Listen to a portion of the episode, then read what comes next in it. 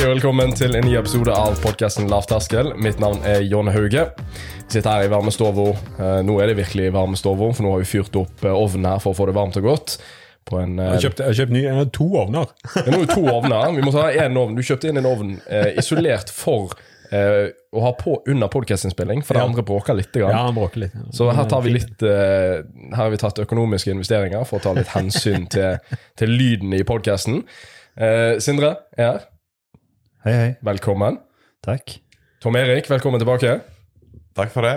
Nå skal vi bare si raskt her at uh, Vi har ikke pusha det så veldig mye, for vi eh, prøvde jo ikke å bli veldig kommersielle. Men uh, for de som ønsker oppfølging og veiledning og treningsprogrammer på løping og styrketrening, så gå inn på lavterskel.run. Uh, Fyll ut skjema der, og så kommer jeg i kontakt med dere, og så får dere raskt i gang. Ganske kult at du har fått dot run. Ja, Det vet det var en veldig tilfeldighet. For jeg jeg, var jo på jakt etter .no, Ja. men så er det en mor i Kristiansand som kjøpte lavterskel.no for sønnen sitt eh, potensielle PT-foretak, som ennå ikke er startet opp. Og hun nektet å selge det til meg. Så da hadde jeg ikke så veldig mye valg. Så jeg et, eh, har jo skaffet meg et par domener eh, med et par forskjellige navn som involverer lavterskel. Så eh, jeg sitter iallfall på de, i tilfelle noen kommer og skal hvordan fungerer det? Kan man kjøpe, kan man kjøpe sånn uh... Yes. Oi, Ja, ja, ja. Så jeg må ha litt flere domener, tenker jeg. oi det var, nå er det nye, nye muligheter her. Altså, Du har jo åtte kallenavn, så vi burde jo egentlig hooke opp alle de domenene umiddelbart. Og det nyeste er jo uh, Lyne McMahon. Ja, det, var, det er den beste så langt. Det her var fantastisk. Du kan leve med den. Ja, den, var- den passet greit, den. Ja. Du fikk jo uh, second best uh, halvmaraton-effort på i går. Ja. ja, det gjorde jeg kanskje. Ja. Det har jeg ikke fått med meg. Nei. 1,39 et eller annet. Ja, ja, ja. Oh, det har jeg ikke fått med meg. Det har jeg ikke fått med meg. Litt hoven her. Så Kalle Kanon, han er i form. Hvor, hvor lenge var pausene i går? Nei, vi tok to minutter. eh, Vi sprang eh, i kilometer, da. 6, 5, 4, 3, 2, 1 kilometer. Og så hadde vi to minutter eh, Joggepause? joggepause. I seks blank, cirka. Seks blank fart, ja. Jo, jo, men altså, det, det, det er korte pauser og lange drag. Så Ja, det det ble jo drag. bra gjennomsnittsfart på det. Ja, ja det ble jo det, viste det seg. Ny, per, ny, ny, ny second pass. Ja. Hva er persen? 1.32. Ja. Det er ikke så verst, det heller. Nei, det er bra. Nei, det er bra, det. Det er bra. Ja. For du, Her er det lov å håpe på gode tider, altså. Ja, men jeg er gammel, den persen, da. Så det, Jo, men jeg tenker på heil. ja. ja, det skal bli pers på heil. Det skal det. Det er sub 320. Nei, under 3.30, så får vi se. Cirka 15 minutter under 330. Du òg hadde en helt vill økt. Du løp jo eh, passerte oss en gang eller to der. Ja. Eh, jeg tok, det tok sykt lang tid å så hente dere inn. Ja, du, jeg sa i starten, for du stakk jo av som en Det var jo lynet McQueen, på en måte. Altså, Du stakk jo ifra så bare pokker. Så tenkte jeg sånn, jeg sa til Kalle Jeg klarte ikke å gjøre matte når vi løp der, men, men uh, jeg sa, det det er jo pokker meg ikke lenge til han tar oss igjen. Og han nei, nei, det er jo 15 km til han tar oss igjen. Og så, Ja, men det ble jo noe, det ble ganske Det lang. Og jeg, jeg skikkelig, liksom, når jeg hadde sprunget fire-fem runder, så begynte jeg liksom å Der du kan se på langstrekker. Sånn jeg, Mm. jeg ser det jo ikke noen plass. Men det gikk jo unna foran òg der, så ikke Ja, det tenk på gjorde det. det. Det gjorde det. Det, det var jo det var røyksky bak dere.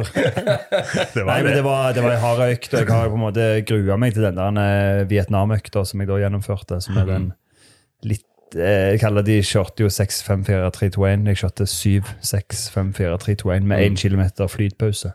ja, på det som Altså, alle dragene der var under vår laveste kilometertid. Ja. Ja, ja, jeg tror jeg, jeg, jeg sleit litt med magen på slutten, så da tror jeg den pausekilometeren ble litt sånn eh, Litt uh, roligere enn det den egentlig skulle vært på de to siste, men det var bare Ja. Men du fikk Litt 30, justering. 34 km med snitt på 3,48? Nei, 3,57. 3,57. Ja. Men du hadde jo jeg så, Det var jo veldig jevnt. altså Alt fra 3,50 til 3,39, var det det? Og så 4,25 til 4,30 på pausene. Ja, jeg starta på Det var egentlig planen å starte på fire blank, så ble det 3,57, tror jeg ble den første syven. Og det kjentes jo veldig fint ut. Lett. Uten oppvarming, vel å merke. Ja, Ja, Det var jo sjokk for meg når jeg kom der, gikk ut av bilen og vi frøs jo litt, det var jo litt kaldt. Og så Ja, det er rett på! Det er rett på! Jeg er jo vant med Jeg må jo ha minst en halvtime oppvarming for å få gang på draget. Jeg så Frode og de når de kjørte en økt, så hadde, Frode hadde iallfall tre kilometer oppvarming. Eller ja, han sprang jo fort i oppvarmingen òg, da, men eh, Men eh, de springer jo Jeg tror de ender på sånn 36-7-8 på den Ja. økta der. De, Men det er 28 km med kvalitet, sant? ja, det ble jo det. Så hun tenker at da har du sprunget 8 altså med snittfart da, på kanskje sånn 3,46. Ja. Og da er du jo på 2,35-2,36. Eh, så ja, Ja. To, Sub 2,40 og ned mot 2,35, altså. Ja, uten å skape noe forventningspress. Men sub 2,40 ser bra ut. Mine, kalkulatorer mine Ja. kalkulatorer sier to, rundt 240-243. Jeg setter Også, pengene på eh, 2,37. Ja, får vi i gang et uh, Burde vi fått et sånn veddemål? ikke penger, da. Øl skal jeg sette på 2,37. Ja, det er jo fint. Men da må du sette penger på noe tilbake igjen. Det er billig cerveza her i i Spanien. Hva skal du drikke da? Euroen er jo dyre, da. Hæ? Hva skal du drikke da etterpå? Hva cerveza skal du ha? Eh, nei. San Miguel? Nei, nei, det er ikke Ja, den er jo Jo. veldig lettdrikkende, da. ja. Ja, ja det er godt med noe, det er godt med noe sånn lys pils etter, etter maraton. Du må ikke ha noe sånn tunge tunge tung Ikke noe, ikke noe stout. Du må ikke ha noe stout eller noe Nei. Guinness eller noe. Nei, du må ha noe lettdrikkende pils. Det går rett ned. Det er bra. Det skal vi ha. Nok det. Men, den her. men skal kan klare. dere liksom vedde på hverandre? Da kan du styre det, da.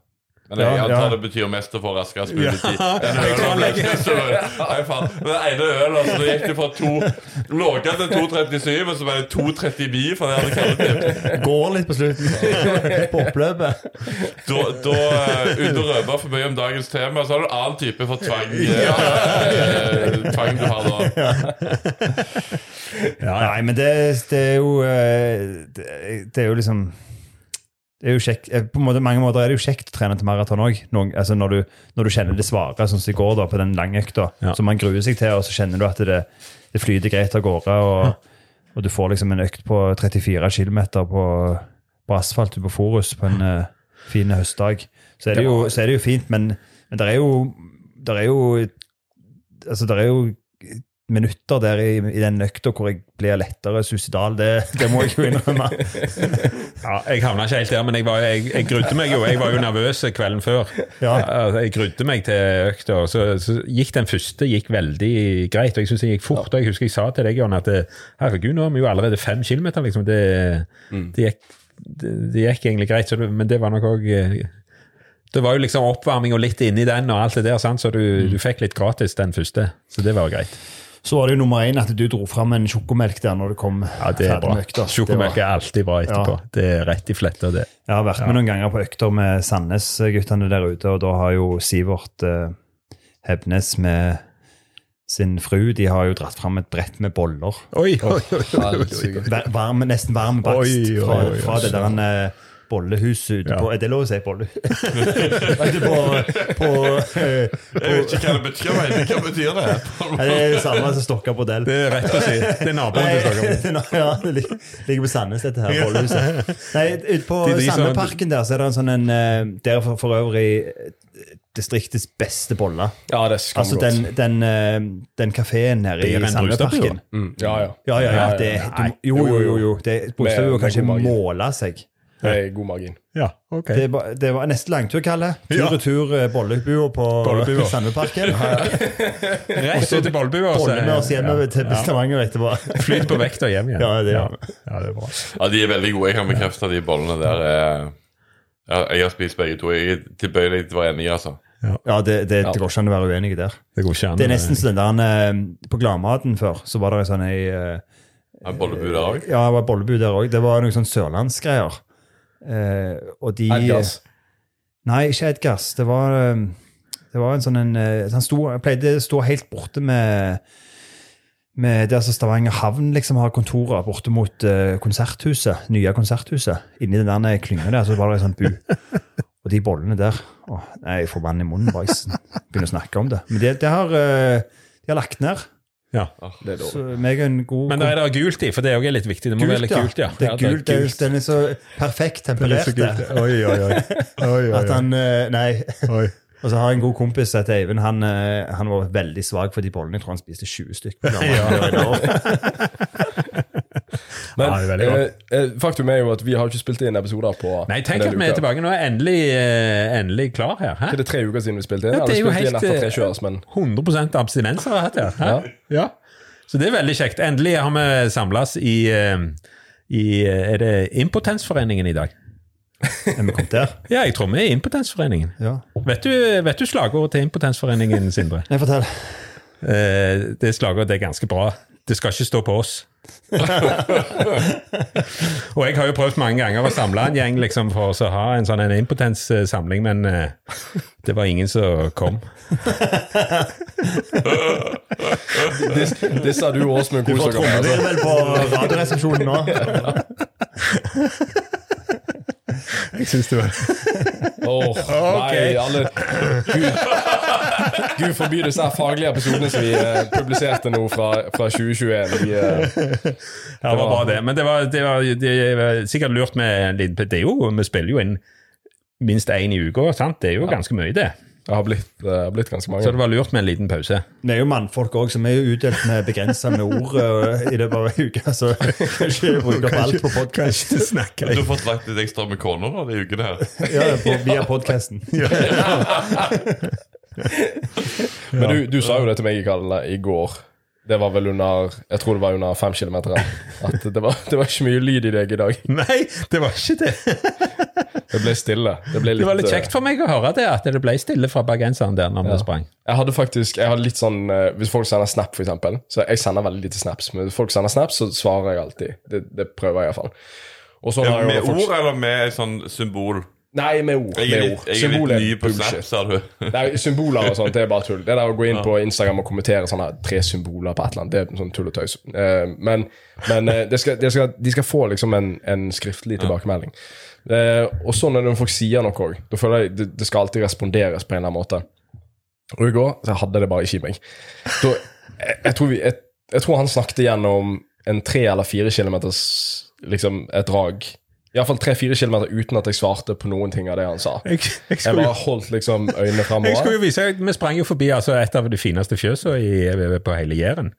Jeg drev og guida og viste og vinkte. Og, Er det, er det på Sola? Ja, ja, rett, Eller på Forus? Jeg Tenk at du kan finne et fj- fjos midt ute på, på den Kjelsbergs Solasplitten, altså. Ja, ja, på andre sida av Solarspitten. Når, du, ja, altså, ja. når du springer forbi Bollebakeriet, så ser du eh, rett til venstre, så ser du det. Det Det er noe fint kjøttfe som går der òg. Ja, det, det er han som har det har du kjøttfe. Det er Ja, ja, rent, ja, det ren slakt. Ja, men han er så flink i bonde òg, vet du. Arnstein Røyneberg, han er nummer én. Altså, så. Og det jeg drev og forklarte og mest om dette her, og John bare Ingen respons. Nei, det var iskaldt. Iskaldt. Jeg kjente det sånn Vet du hva, I dag er jeg ikke redd for å såre følelsene dine. Eller, jeg bare jeg, jeg må fokusere. Og den ene gangen jeg begynte å snakke litt tilbake igjen, da gikk jo tempoet ned med en gang, og pulsen min gikk opp. Så det var sånn, det var dårlig, dårlig Ja, det merket vi faktisk. at det, når vi, ja. Ja, så, så jeg tenkte sånn, her må vi spare på alle kalorier og pulsslag vi kan. Så da var det å se framover og, og Ja. ikke prate. Ene foten foran mer. Jeg tok det gjerne etterpå. Ja. Men eh, før vi går inn i dagens tema, så har vi òg et løp som eh, kommer om en måned og noen dager. Og det er jo Sola halvmaraton. Og der har vi fått en uh, ja, det er faktisk to måneder til. Det er Det er nesten Ja, andre helga i januar, tror jeg. det er akkurat to måneder til. En måned og ja. En måned og 30 dager. Men da har vi fått en uh, Hva heter det igjen? Det heter Sola, eller? Er det det som Sola heter Sola halvmaraton. Og der har du 5, 10 og uh, 21 km. Og da muligheten til å ta trippelen med Ja. først, så 10, og så 21. Du var jo fartsholder i fjor. Du skal ha fartsholder på trippelen i år òg. Ja, jeg håper det. Eller ja, jeg skal Ja, jeg tror det. 30 minutter sikkert, og 60 minutter og to timer. Ja, jeg kan ikke ta noe fortere enn det. Det får holde det når du skal. Og eh, for alle de som har lyst til å melde seg på både trippel og eh, 5, 10 eller 21, så kan de bruke eh, kodeordet KALLE15. Ikke KALLE69 denne gangen. KALLE15 for 15% Ja, det er jo kjekt. Og den koden da, den kan du selvfølgelig spre rundt. eh, men Det er gratiskode. ikke helt, da. De får 15% rabatt. Ja, men de får koden gratis. Ja, de får kode. ja, av oss får de koden gratis. Den var ny. Det, det er ingen som har pleid å bruke det før. At nå gir vi deg en kode gratis. Nei, men den, den er det bare til å melde seg på med. Eh, og Kjekt løp, det òg, altså. Det er, også det er en sånn, og fem kilometer, det er jo ikke så ofte, der er, men det er bra, det. Jeg noterer ned her. Kalle 15. Kalle det det? 15. Flat og fin løype. Sykt god stemning der ute. Mye folk. Eh, de har Og så er det en trippel, så la, det lar seg gjennomføre. En, en, en trippel med maraton i, den er jo eh, hakket verre. Men eh, dette her Det er mange som kan kaste seg på den, Sindre. Få se hvor motivert jeg er etter 42,2 km nede i Ja, men da har du jo hatt en måned, en måned å komme deg på, så kan du i hvert fall eh, svi av litt på en fem, fem kilometer. Ja, det går an. Formen bør jo være grei, da. Ja. Flyte videre på det. Flyte. Men det er alltid et kjekt løp. Det er gøy å starte, starte det nye året så tidlig med et uh, godt, flatt og fint løp. Ja. Det pleier å være ganske greit vær der ute òg. Ja, det er alltid strålende. Ja, det er meldt fint vær. Så det, Vindstille. Vindstille. prognosene ser bra ut. Ja, det er meldt, det er meldt flott vær. Men hvordan er formen din, Tom Erik? Den er Du vant nettopp et løp. Ja, ja, jeg gjorde jo det. Ja. To vil jeg gjerne Hvis jeg kan få lov å liksom Ja, to. To løp. Silver Night Run og Gjesdal eh, Trail Run. Ja, stemmer det! Ja, ja, ja, Han har gått ned på distanse nå, han ultrakongen her. Nå er det maks 15 km. For nå, Ja. nå har jeg hevet alle drikkeflaskene, all ernæringen og fått god plass Men hjemme. eh, jeg hørte rykter om at eh, det var, det var en viss Halvorsen som måtte rope på elgen etter en, etter en knallhard femmer der. Ja, Det ble jo tatt bilder av det. Det var mye smil og, og bilder på min bekostning etter målgang der. Men det, det tåler jeg, altså. Ja, det må du jo bjude på. Det er Ja, jo bare kjekt. Men du gikk det Er det fordi at det, det, det, det er kort og intensivt, da? Tror du? Magen greide Jeg liker å skylde på kulda, da. Det er kaldt, men eh, Kaldt, det kan jo være at det var litt kort og intensivt for, eh, for en kropp som har blitt litt seigere. Jeg, For du liker, du liker jo å holde på litt lenge. jeg, gjør, jeg gjør det. Jeg, gjør det. jeg, liker, jeg liker jo ikke bare at det er fort og galt. Nei, nei, nei. nei, nei. Det, og det er mange som setter pris på det. 24 timer. 25 timer. Men Fortell litt om det der eh, var det, det med hodelykt, det, sant? Ja, ja. Springer du etter reflekser og sånn, da? Hva Da er er det, reflekser ute i løypa. Det er løypa på rett over 5 km. Start og mål på Gramstad. Men det er på det, sti, er, liksom. det som er litt kult med det løpet der, og det, det der visste ikke jeg, det er utrolig populært. I Oslo, altså i alle de store byene, Trondheim, Bergen, Oslo, Stavanger. Og i Oslo tror jeg de hadde om det var over 1000 deltakere på det der Silva-løpet. shit, Shit, det er helt jo, sykt. det er jo kaos i mørket. Ja, ja, det Det kan er du jo si. hodelykta på alle, da. Nå var det ikke veldig kaos for meg i front, på en måte. Det, og det er jo det, det, det var ikke flust med lys. eh, Det, var, det kan godt være litt flere lys. rolig fin flex der. Ja. Men du, det Det er er jo vanskelig å ikke få ting som snik, snikskryt. eh, det, Men du, det er jo kjempe, kjempebra det der, i forhold til at du får jo låne sko. Altså, du får jo hovedlykter. Ikke får, da. Du får låne. Hæ? Har de det? Ja, ja, du kommer opp der, og så kan du komme i I joggeklær, og så blir du fullt Joggedrekt. oppdressa. Ja. Sindres eh, bedre halvdel gjennomførte jo òg. Ja, hun var der. Ja. Så det, Så, så ja, det er vel, altså, dette er jo et løp i samarbeid. Det er vel, altså det er løplabbet. Og så vet jeg ikke om Turistforeningen òg er med. jeg lurer på om Silva er med. Silva, Silva det- De må ha en med i spillet. Ja. Men, Men jeg, tror, jeg tror Silva Hoka eh, sponser på, på ut, utstyr. Ja, for det var Hoka-sko, sa Ida. da, Eller, Ja, for Silva er da lyktene. Ja, det er jo greit å presisere. Silva er jo et hodelyktmerke ja, eh, som, eh, som eh, Ja, ja. Som, Men det brukes mye av orienteringsløp Men det var kjekt og da, altså. Ja, det var knallkjekt. Ja. Ja, det var det. det var, og det var ganske variert. For det, i, i start, det eneste som var litt morsomt før vi begynte, det var jo at jeg hadde jo sprunget gjennom løypa med noen kompiser, og så kom vi til start. Og så, får- og så syns jeg alle liksom sto feil vei. De sto liksom og skulle springe ut. liksom Ja. De var langt foran startstreken. Og så begynte jeg å liksom si dem på snu dere. Og så Men det er ikke den veien vi skal, sier de. Så skal vi springe motsatt vei i løypa, da. Så det var jo en litt sånn game changer. Men eh, da fikk vi bare omstille oss til det. Og det var egentlig ganske bra, for det var sleipt. Ja. Og så liksom er det et parti som er nedover på sånn, eh, på sånn eh, Ja, ganske glatt, og på mye sånn klopper. Og det er greit å få det slakt Hæ? På mye hva? Klopper, ja det må jeg gjerne forklare. Det er jo sånne trebroer som er ute på, på en del av disse turistforeningsstiene. Det heter klopper. Det heter klopper, faktisk. Ja, de klinger og klapper og klepper og klipper. De klapper. Det er sånn de snakker i ultramiljøet. Har du, har du du vært i noe trebro? Var du Eh, Ja. Ja, jeg òg, inntil jeg fikk høre at det heter klopper. ja, da lærte jeg noe nytt i dag. Ja. ja, Noen får arrestere meg hvis jeg har bomma helt der. altså hvem er? Ja, Hadde ikke, kan hadde ikke du et eller annet ord òg du drev og sa i går, når vi løp?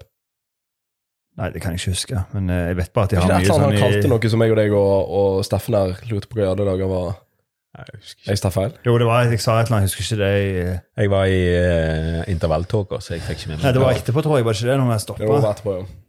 Ja. Ja, ja, men du, eh, du eh, Klokkene klopper, Nei, hva var det? Klokk...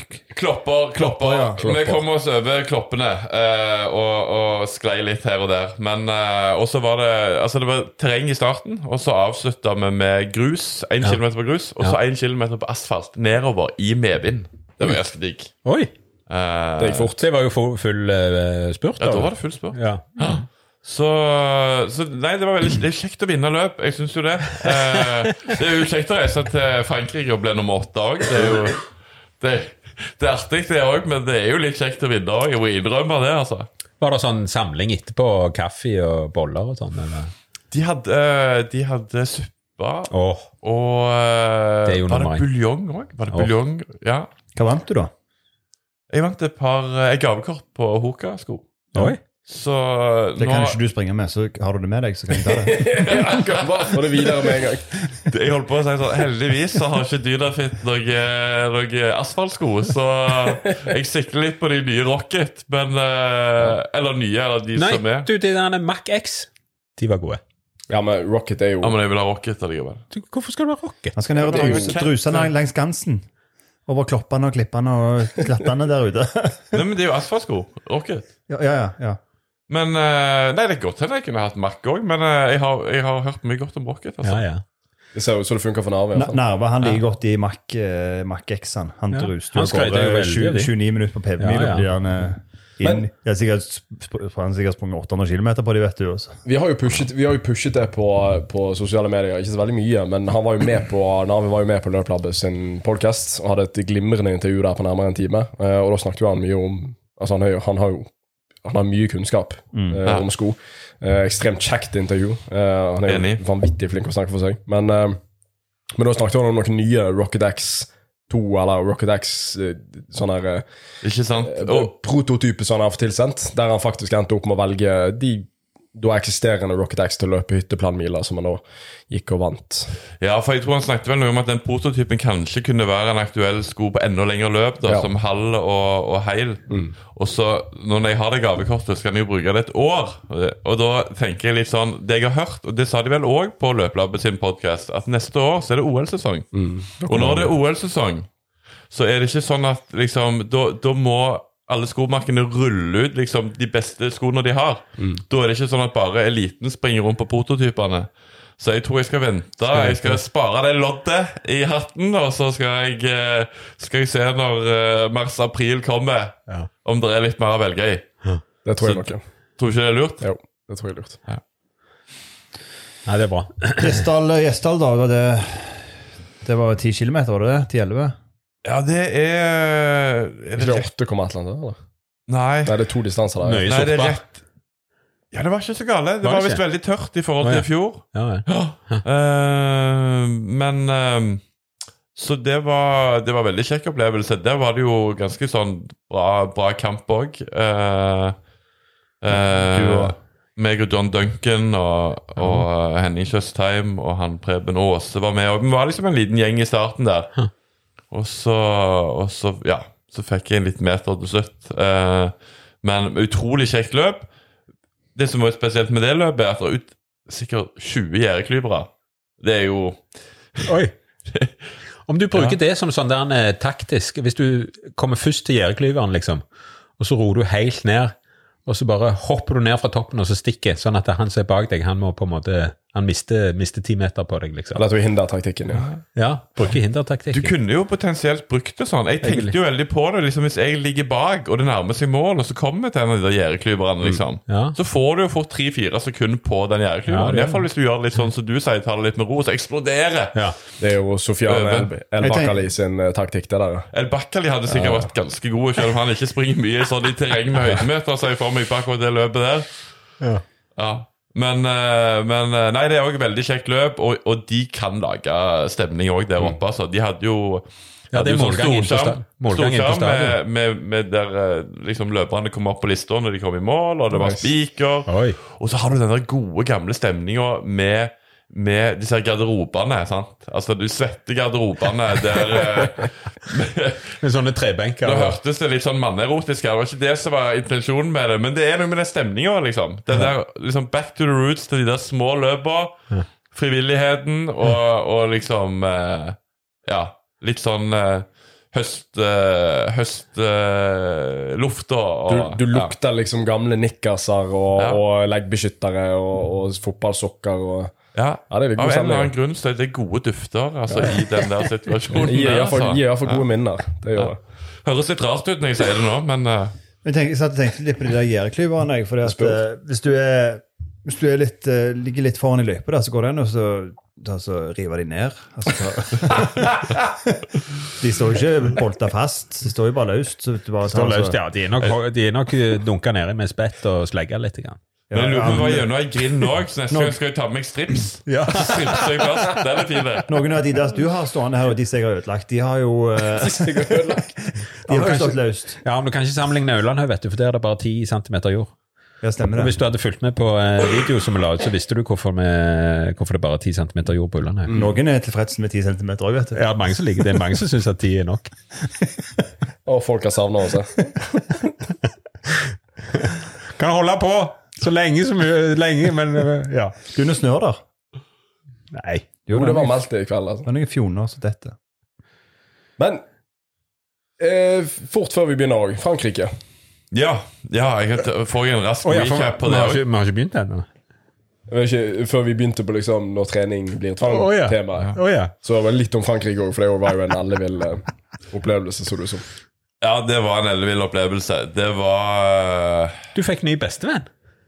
Ja, det Ja. gjorde jeg. Det gjorde jeg. Gvido. Ja. Gvido fra Latvia. Fra Latvia. Så Meg og koselig. Gvido vi endte opp med å springe 25 timer sammen. Ja. Og det er jo en spesiell opplevelse i seg sjøl, når du ikke kjenner eh, vedkommende fra starten av. Ja. Så vi ble jo godt kjent. eh, til og med ja, kom tett på, Ja. på en måte. ja, ja. Eh, så, og det var egentlig bare tilfeldig. eh, fordi at eh, Sier du egentlig nå at for de som har lyst på nye venner, så er faktisk eh, Så er faktisk Sandnes Ultratrail neste år et godt sted og en god arena Ja, for å få ja. seg nye, nærme venner? Ikke sant? Finn en som du er sånn noenlunde røftlig like god som. Spør om dere kan springe sammen en liten stund, og så kan dere eventuelt eh, skille lag hvis den ene er sprekere enn den andre. Mm. Så springer du en fire-fem mil, og så sier du at, eh, at skal vi springe sammen litt lenger? Og så til slutt så har jeg sprunget så lenge sammen at jeg må springe i mål òg. Ja. Så, så nei, det var Jeg vet ikke helt hvorfor det ble sånn. Det ble sånn fordi at vi begynte å snakke fordi at starten ble utsatt. Fordi at det var et vepsebol på stien som de måtte fjerne. Og da begynte vi å snakke. Og, og jeg er jo, som dere vet, eh, jeg liker jo å snakke, jeg. Han her var jo, han snakket jo mye mer enn meg, så det var jo faktisk òg jeg tror til og med Jon og Kalle òg hadde det. Det, det, det var spennende å sette dere i en slags eh, duell på det. Men, eh, og det gikk, alt gikk jo i engelsk, ikke sant? Det er jo òg litt spesielt. Men, eh, men vi syns jo at de som sprang ut først, sprang så fort. Og så var det jeg som kommenterte det, og så prøvde vi å finne en sånn fin pace. Og så sprang vi til første matstasjon, det var vel etter sånn 8-9 km. Og så ga vi hverandre en high five, og så hadde vi liksom ei greie gående der. Ehm, og så, ja, så liksom så bare, jeg, jeg, var nok litt den som oppfordra til å springe sammen med han òg. Tenkte det kan være greit å springe sammen gjerne litt gjennom natta. Altså, dette løpet begynte jo klokka tolv mm. altså, for, på formiddagen. Begynte eller skulle begynt? Nei, det begynte Ja, det skulle begynt 12.00, så begynte det 12.10. Oh, ja, okay, det Så det var bare ti minutter pga. vepsebolet, liksom. Det var ikke verre. Nei, det var ikke verre. Så vi skulle da springe fra formiddag klokka tolv til ca. til Helst komme i mål litt før formiddag, var vel mitt sånn hårete mål. Sånn 2-23 timer. Ehm, men nå visste jeg jo vinnertida fra i fjor var 23 og noe. Eh, Så jeg håpte jo liksom rundt, rundt det. Men, eh, men eh, Nei, så, så, så vi begynte jo og, og, og, å sprang som sagt sammen. Og sprang oss jo hele veien opp òg. Og når liksom du har en følelse av at du springer deg opp i feltet, liksom For det eh, Vi starta ut som nummer 15-16. Nå har vi ikke sagt noe om Dette var jo en et 100-milsløp. Ja, det kan vi godt presisere. Det kan vi presisere. Som Sandnes uh, Sandnes 100 miles. Bare at her er det enda mer høydemeter, da. Okay. Uh, så kan du gjerne si det er litt mer løpbart, men jeg vet ikke helt. Det var veldig lite, veldig lite asfalt, veldig lite grus, veldig mye bratt opp, bratt ned. Men ca. 100 Jeg hadde på klokka mi 164 km, og så hadde jeg 9200 høydemeter eller noe sånt. Nei, nå sier jeg, nå sier jeg faktisk for lite. Det, nei, jo, 9003. Og så 11000 negative, for vi starta jo på 1700 høydemeter. Oppe i fjellet på en vintersportsplass. Oi. Altså en skiplass. Rett med en sånn svær skiheis. Og så springer du liksom ned til Rivieraen til NIS. Utrolig flott, liksom. Ja, det må være flott. Hæ? Du kunne jo tatt heisen der. Ja, du, Nei. nei. det hadde du ikke gått altså på så langt. Det er jo langt, langt oppi der. Men jo da, du kunne jo Men du sprang, du fulgte på en måte Det går ei elv der. Ja. Ja, som går liksom opp til den plassen der vi starta. Så springer du opp på et fjell, ned til elva, opp på et fjell, ned til elva. Så du følger på en måte en dal, da. Okay. Er det mer- veiver er det mye med mer- Er det merka, disse greiene her, eller? Ja da, det er veldig godt merka. Det, Det ja. det, så det er ikke så norske løp. Dette er jo òg et løp i den UTMB-serien, som òg er viktig å presisere. Ja. Der har det jo vært Det er jo en litt sånn omstridt organisasjon nå. Jeg vet ikke om vi skal snakke noe om det, men der er, dette er jo Ironman som har kjøpt opp en del løp, og så arrangerer de disse løpene, og så har de finalen nede i Chamonix. Ja. Og det er liksom på en måte det uoffisielle VM i, i fjelløping. Da er det flere distanser i Chamonix. Champions League for ultraløping. Dette er. Champions League. Her er vi på en måte La oss si dette her er gruppespillet, da. Sant? Og så gjelder det å komme til finalen eh, i august. Eh, Ultra Trail Mont Blanc. Ultratrail Mont Blanc, ja. Ja. Så er det et hovedløp som er 100 miles, og så er det noen kortere. Men alle de løpene der må du kvalifisere deg til gjennom å samle steiner i andre løp. Ja. Dette var et sånn løp der du fikk steiner. Så, og hvis du ble topp tre, så får du òg direkte kvalifisering til Ultratrail Mont Blanc. Så det var målet. Det var, det var et mål. Det var et uttalt mål. Så der bomma vi jo litt. Det var topp tre. Og det er jo litt sånn når jeg kommer hjem fra den turen, så tenker jeg litt sånn Ja, kanskje du overvurderer deg sjøl litt. Tommy. Kanskje tror du at du er litt bedre enn det du er. Og det, altså men samtidig så er det jo også litt sånn Altså Hvis jeg ikke har den motivasjonen, så hadde jeg jo aldri gidda gjort all den treninga. Så jeg, jeg må jo leve i troen på det. Og det kommer jeg sikkert gjøre neste år òg. Skal være med på et løp og tenke at jeg kommer topp tre. Eller Ja, ja. gjerne ikke i hovedløpet, men i et eller annet. Ja, det, men det er jo lov. Det er jo Ja, bare kjekt. Det er jo halve vitsen, og det er jo motivasjonen, som du sier, og alt. Så det er jo bare Sånn er det jo bare. Ja.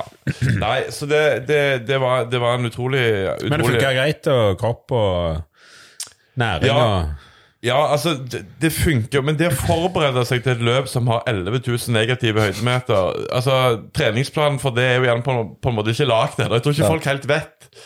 Eller kanskje de vet litt. det, jeg, For jeg hadde jo trent mye, mange timer. Jeg hadde jo vært på denne, en sånn passbacking-tur i Jotunheimen. Eh, eller liksom på tvers av, eh, av Norge, fra, fra vest til øst. Eh, tre uker før. Kommet ut av det på en god måte, uten noen skader. Altså hatt mange kilometer, mange timer på beina. Men det, og, og det Altså, når vi springer så langt som dette her, for meg òg som er på en måte da gjerne i topp ti, så er jo så, så går man jo masse. sant? Man går nesten, man powerhiker, man bruker staver, og så går man nesten alle oppoverbakkene. Iallfall de som er liksom 10% oppover. Det, det går man. Så går man litt fort gjerne. sant? Men, men det er jo ikke det som tar deg. Det er jo nedoverbakkene som tar deg. Men det kan jo på en måte alle som, alle som hører til i Stavanger, eh, mest sannsynlig, kan jo relatere til det i forhold til Ryfast-løpet. Ja. For der fikk jo folk òg smake på hvor tungt det er å løpe hva var det, åtte kilometer i nedoverbakke før de Ikke sant? døde opp. Og det er jo det Ja. som tar livet av de fleste. Det er ikke helt sammenlignbart. Uh. Nei, nei, nei, men i, jo, det er jo, i forhold til nivå så er det jo på en måte det, da. I forhold til nivå så er det jo på en måte det. For at han tåler 11 000 da nedover, mens 8 Ja. kilometer nedover på en måte er Men, men det var 8 kilometer i 4% helling på asfalt. Ja, men å løpe i nedoverbakke i det hele tatt for folk Det, Men- men det det- banker jo beina. Det gjør det jo. Jeg er enig med Jon. Sånn, altså For de som ikke har sprunget mye Enig med Jon, du har jo løpt, du har jo løpt ned eh, hoppbakken her. det er jo jeg- stor forskjell på jeg, jeg det. vet jo det er stor forskjell, men, men bare sånn Det er jo så bratt i ultraløpet Jo, stort jo, sett men at Ja, men du må nedoverbakke gå er ned. Du må gå ned. Jo, men for de som på en måte ikke løper så mye, og så plutselig melder seg på et halvmaraton, og så kommer de til Ryfast. Og det kjente jeg jo på sjøl òg, at det, det er mye nedover-dunking. Så beina ble jo litt mer møre enn det de ble på, har blitt på alle andre halvmaraton. Men- Og jeg hadde nok Ja. en fordel av det på Ryfastsløpet. Det tror jeg. At jeg er vant med å springe opp og ned. For, for, for det som jeg tror ville vært Det som ville vært lurt, både før Ryfastløpet og før dette, ville jo være å springe hardt nedover.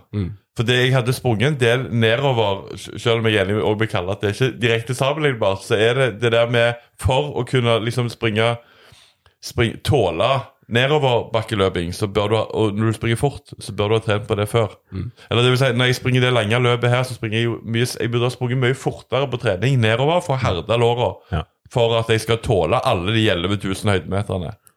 Så liksom, ja mm, Jeg håper jo å få være med på denne UTMB, dette hovedløpet neste år. Og da, da blir det mer sånne Da må jeg reise på hytta, så må jeg springe 500 høydemeter på grus, gjerne to-tre ganger. Eh, et par ganger i måneden. Dunke ned, liksom. Ja. Og, så, og så håper jeg og tror eh, at det vil hjelpe meg. For det der er jo noe som ingen i utgangspunktet trener veldig mye på. Uansett om du løper liksom fjelløping eller asfaltløping, så er ikke folk flinke til å beine på nedover. Så det er høy skader. skaderisiko, Ja, sant? Ja, det er veldig Det det, det som er greia. Gjør er du det på asfalt jeg, jeg mener jo at når jeg ble kneskada Jeg hadde jo en kneskade i 2018, og da tror jeg det handla litt om jeg har sprunget for mye Litt sånn Supermann-følelse. sant? Det, det jo toucher jo litt inn på temaet, som vi snart kommer tilbake til. Altså Det der med å kjenne at liksom Det er ingen begrensninger, jeg kan bare dure på. Eh, og da Og da Og gjør du det i terreng, så er det enda større skadefare. Sant? Prøve å ta nedover-segmenter liksom, i, i teknisk terreng. Det er jo ja, det er kjekt å ta segmentet. Enten tar du segmentet, eller så, Tar du så, så er du skada i to år. Ja. Eller så tar du HB. Ja. Ja, så, Altså, jeg, jeg, jeg kjente jo bare på det når vi var med på DFL sin sånn dinosaurrunde. Liksom. Skulle jeg følge med Lyne McQueen her, eller Lyne McMallan, nedover. Og oppover er jo liksom altså, Det er jo tungt, og det er jo melkesyre, men nedover er jo, kjennes jo galskap ut. Sant? Så dette, akkurat det der nedoverbakkegreiene er, det er heftig, og du, er jo, du løper jo med en sånn brems i bakhodet òg hele tiden. Det er jo ganske vanskelig å liksom bare slippe løs og gi bånn gass nedover. Du Det skal, du skal skru av en ganske sånn heftig bryter for å gjøre det. Altså. ja, og det, og det, slipper, altså, det er jo når du springer sånn 100 mil, så slipper du jo det. For det, det, det, det, går, jo, det, det. det, går jo ikke fort, ikke. fort nok til det, på en måte. Uh, men allikevel, det var jo ett parti der òg. Det bare gi en sånn liten shout-out til en lokale, Bjarte Vetteland, som, som liksom jeg har sprunget løp med før. Og som liksom, du vet Når du springer med folk, så har du en tanke i hodet om at liksom, ok, den eller den skal jeg slå. eller Men på andre liksom, basestasjoner etter fire bil, så treffer, kommer jo han, tar jo han meg og han Guido igjen. Og jeg får jo helt hetta. Men da han har altså sprunget så sykt fort ned. For det, det er et parti der du skal ned 1700 høydemeter. På, på 6 kilometer. Hold dere fast. 1700 høydemeter på 6 kilometer. Se det for dere. det Og det er ikke sti. Det er sånn, det er sånn strå. Det er sånn bratt og heldig Ja. med, med, med høye strå. Med så du ser ikke helt hvor du trør hen. sant? Så det ser nesten ut det blir nesten sånn altså, osteløpet i, i Ja, ja, ja. Ja. En mild variant. Det er Ja. ikke så, men sånn, det er vanskelig, for hvis du springer for seint, så, så er det veldig tungt. Bremse, bremse ja. muskulaturen på låra. Og der kommer han veltende ned. Ja, han trilla jo ned her. Ja, for da- da er det jo bra Da må det jo nesten være bratt nok til at hvis du faller, så triller du en stund. Ja, ja da. ja da Ja. Ja, Hvis Men- du gir på litt der, ga på litt der, så hadde du trilla. Men Bjarte han vant Oslo-Bergen òg, for et år eller to siden. eller? Nei, det gjorde han ikke. Men han Han har vunnet Sandnes eh, 100 miles for Ja, okay. to år Ja. siden. Ja. Og eh, han eh, sprang jo han nå for et par uker siden, som òg er et sånn UTMB-løp som Ah, er blitt ok. veldig populært altså nede på Skåne. Ja. Det er jo eh, Ja, trenger ikke ta noe om det nå, men poenget er at han har sprunget iallfall det og Sandnes og NIS og Jeg vet ikke han sprang flere òg, jeg. Han Ok. fire. Jo, han sprang det der han, sp nei, han sprang ikke Sandnes, nei, for han sprang det der Wales eh, 100 miles. Så iallfall 300 miles i år. Jak jakta på Hvis ikke man- steiner, han òg, da. Han jakter steiner. Han, skal, han har skumle planer om å komme seg ut til NB. Han, ja. Ja. Men, eh, ja. Nå, nå må Kalle ha litt kontroll her, for nå sitter jeg på en, eh, en eh, ny plass, så jeg har ikke helt kontroll på at vi står på rekk. Vi står på rekk. Eh, ja, Veldig det tar good. opp. Det er godt å høre. Vi har jo eh, Temaet er jo på en måte ikke skjult. Det står jo eh, i, i tittelen på episoden. Men det handler jo om når trening blir tvang. Um, nå, nå skal ikke jeg snakkes veldig mye eh, resten av episoden, men, men jeg skal først si at uh, dette er jo noe som uh, gjennom, spesielt gjennom de siste to-tre årene, og selvfølgelig gjennom min erfaring i treningsbransjen, uh, har vært svært tydelig i, veldig mange settinger. Jeg har nok aldri kjent på det sjøl. Kanskje i veldig sånn små små områder, men, men jeg har aldri liksom vært Alltid vært ganske lat, så jeg har aldri liksom Ja, aldri vært på den siden at oi, jeg føler meg tvunget til å trene. Så jeg har nå vært, eh, vært ganske heldig der. Men vi snakket jo litt sammen eh, i går om dette her. Og da kjente jo jeg på at eh, At forrige uke så tok jeg langturen på søndag for da å komme over fire mil bare for å ha en litt sånn fin stigning. For det, det, altså, det, det ligger på en måte litt sånn latent i bakhodet. Det, det gjør på en måte ingenting nødvendigvis. Jeg er jo ikke nødvendigvis så store mengder at det, noen trenger å bekymre seg, men, men jeg, jeg tar jo også kanskje litt, litt bevisste valg der, eh, basert på at du ser disse tallene på Strava. Og, og da sa jeg at eh, jeg tror nok at graden av belastningsskader og graden av, av uh, utmattelsesskader eller folk som på en måte stopper å trene, hadde nok gått ned på Strava hvis du kunne skjult denne her ukesrapportgreien. Tror jeg. For at den, i utgangspunktet så er det å tenke mandag til søndag er jo bra i forhold til planlegging, men det er jo sånn at kroppen din eh, alltid liksom henger med, eller hodet henger med. Eh, så dette skulle levere liksom det samme hver uke, er jo 100 urealistisk. Det, det, det, skal ikke gå, på en måte. Da, da, hvis du er toppidrettsutøver, ja, men da har du på en måte ingenting annet i livet som stjeler energi, og søvn er stort sett topp, og da kan du nødvendig prestere på liksom samme samme totalvolum hele veien. Men, men uh, i et vanlig liv så, så, er det 100% urealistisk. Så, men det er litt det vi skal snakke om nå. Uh, og vi har en, en, liten kjøreplan på dette her. Men Sindre, starta det av? Jeg tenkte bare jeg skulle ta og lese opp litt fra en sånn uh, ganske grei artikkel som omhandler akkurat det temaet her, som jeg leste i, for et par dager siden. Og der er det jo at uh, Det står når trening blir tvang, og det står at de organiserer hele livet sitt rundt trening og fortsetter å trene til tross for at det skaper problemer for dem. Så står det de sykler, løper, går på ski og rulleski til alle døgnets tider. Supermosjonisten blir stadig flere, og noen blir besatt. Om trening blir det viktigste i livet ditt, er det grunn til bekymring, advarer forsker og klinisk psykologspesialist Cecilie Skau Andreassen ved Universitetet i Bergen, osv. Og, så og så står det at trening er viktig og positivt for de fleste av oss, men visse personer har likevel et tvangsmessig og overdrevent forhold til det å trene. Og Derfor har vi jo henta inn vår eh, psykologspesialist fra universitetet i, på Hinna, holdt jeg på å si. Vaulen. Nedre Baulen. København og Bergen. Ja. Du har vært innom noen universiteter. Men, eh, men eh, først, altså, du kan jo bare liksom ta det begrepet tvang, da. Hva, altså, hva, måte, hva som ligger i, i det tvangsbegrepet. Mm. Men bare først, jeg, her har, føler jeg jo at jeg har litt sånn dobbeltkompetanse. Ikke bare i form av at jeg, jeg eh, løper og er psykolog, men, men altså, det er klart Uh, altså Ikke dobbeltkompetanse i form av at jeg tenker jeg har en tvangslidelse, men det er, lett, det er jo lett å, å, kjenne litt når du leser den beskrivelsen der, og vurdere seg, eller vekte seg sjøl. Hvor er jeg her? Ikke sant? Mm. Vi er jo flere i dette rommet som kanskje kan bekjenne oss som supermosjonister og veldig opptatt av trening. og og, og, og, og bruker det veldig aktivt og gjerne trener nesten hver dag, ikke sant? Uh, så, så, liksom, men, men, det er jo derfor vi må, må, tørre å gå litt inn i dette her òg. Uh, eh, når, når, det, når er det sunt, og når blir det usunt? Eller når kan det bikke det å bli, det ble usunt? For det, det, er jo et viktig poeng at trening er jo, er jo i utgangspunktet noe som er veldig sunt, tenker jeg. Noe vi trenger i livene våre, og kanskje i større grad nå òg, fordi at vi har så mange andre uh, distraherende ting vi gjør som er dårlig for helsa vår. Um, Altså at vi stresser mye, og det er høye nivåer av kortisol. Og det å liksom trene og få litt sånn sunt stress, det tror jeg er, er veldig bra. Mm. Um, men, men, begrepet tvang, det er klart For meg, når jeg hører ordet tvang, i og med at jeg jobber som, som klinisk psykolog uh, i en poliklinikk her, her, i distriktet, så har jeg jo stifta bekjentskap med tvang i form av det som en um, Som en, uh, som en um, og som en klinisk diagnose, da, altså det vi kaller for, for tvangslidelse.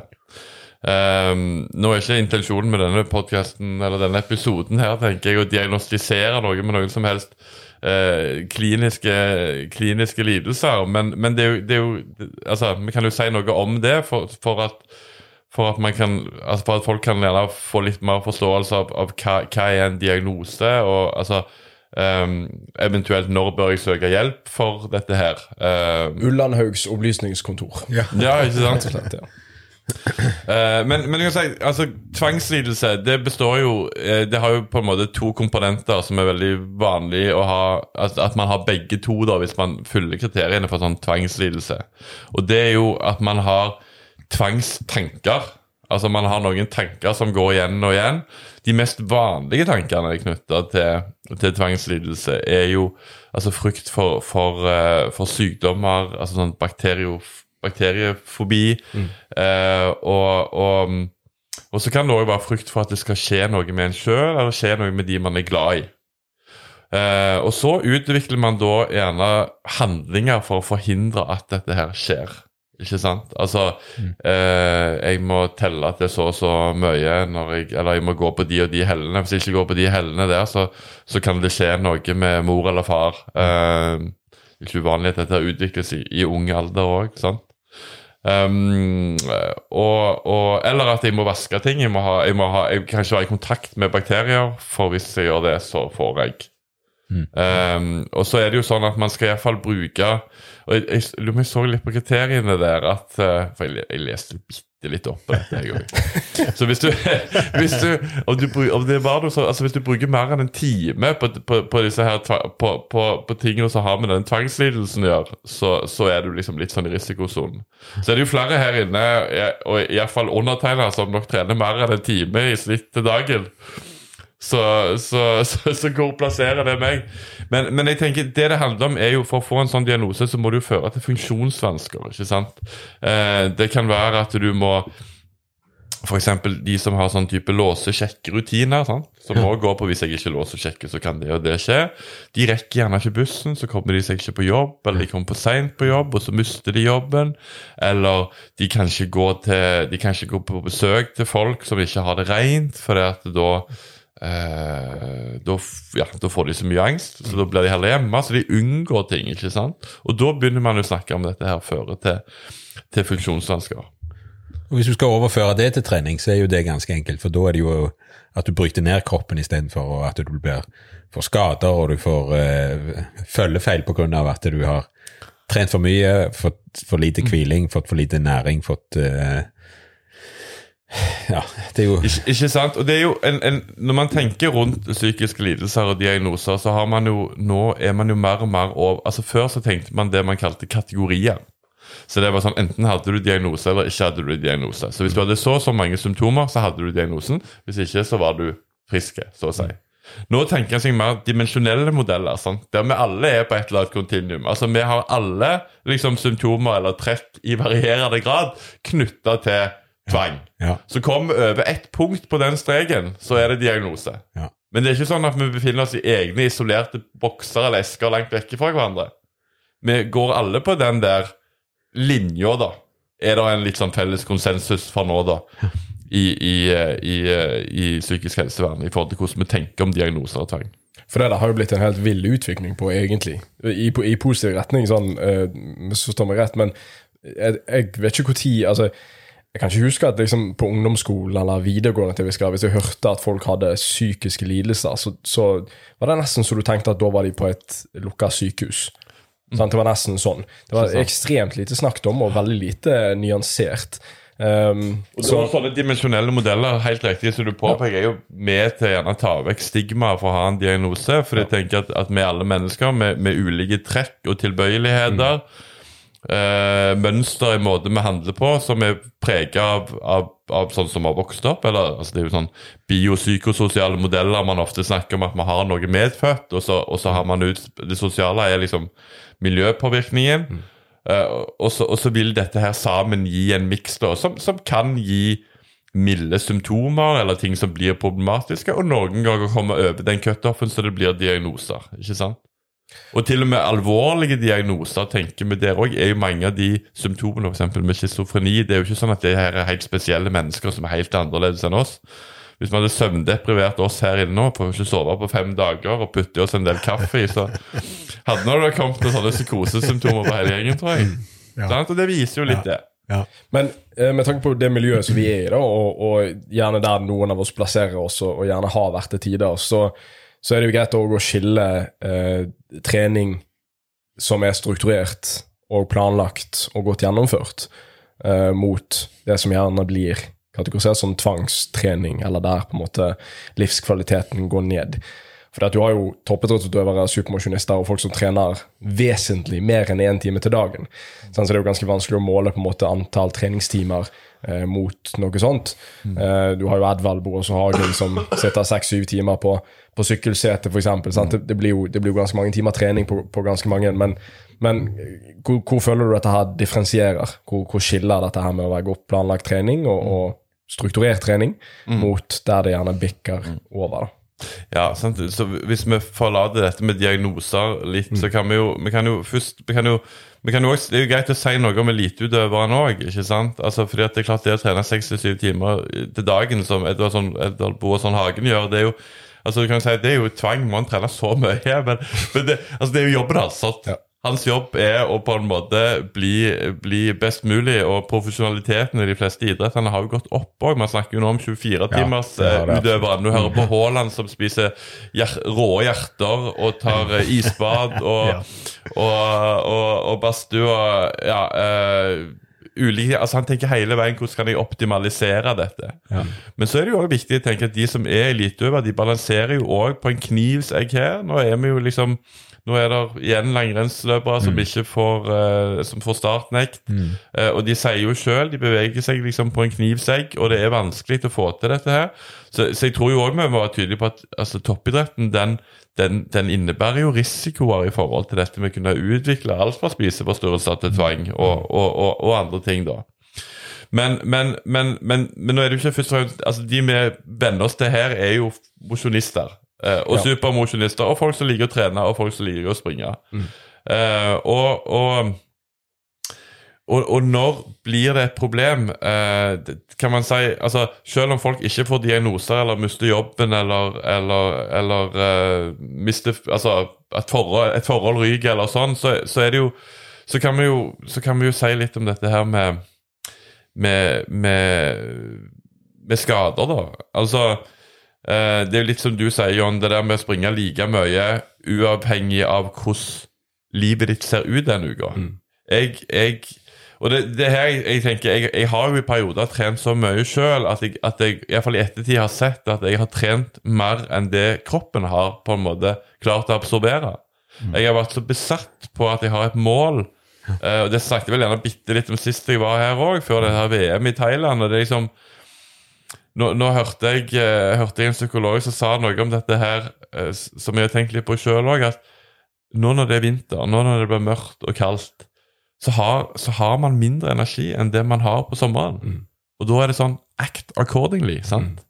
Eh, det, det, det, vi er nødt til å ta på en måte hensyn til, til omgivelsene våre. Eh, og, og først og fremst handler det om Eller det handler om å ta hensyn til kroppen og hva kroppen sier. For at ehm, Jeg opplever jo at noe av det som gjerne er litt problemet, er at vi lever det vi kaller for, jeg kaller for psykologiske liv. sant? Altså det er, det er krav, forventninger, krav til meg sjøl, krav fra andre. Jeg må se sånn ut, jeg må komme opp i det kilometerantallet. Det er ikke sånn Ok, kropp, hva føler du for å gjøre i dag? på en måte? Hvor ofte stiller vi oss det spørsmålet? Hvor, hvor er jeg nå? Eh, hva har jeg behov for nå? Og så, Det, det, jeg skal ikke avbryte deg, men det altså, Eller nå gjorde jeg jo det, men, men der, der er jo Du har faren, monolog, så det var bra du der er jo faren litt sånn Jeg tenker jo at eh, hvis man eh, altså Sjøl så kjenner jeg jo på Sånn som nå når jeg driver og trener et maraton, så er det jo liksom eh, litt sånn tvangsprega at jeg føler selv at jeg må ha de og de øktene. og Hvis jeg ikke får det til, så blir jeg litt sånn stressa da. Eh, Men sånn ellers i året så, så syns jeg det er viktig at folk tar hensyn til det som du sier med, med kroppen, og hvordan man sjøl føler seg. og hvordan liksom, Våkner du opp en morgen og du egentlig har planlagt å, å springe en økt på 20 km liksom, på morgenen, og du kjenner at kroppen er altså beina er pill råtne, og kroppen generelt er drit, så er jo det et godt tegn på at det, ta gjerne en dag off, da.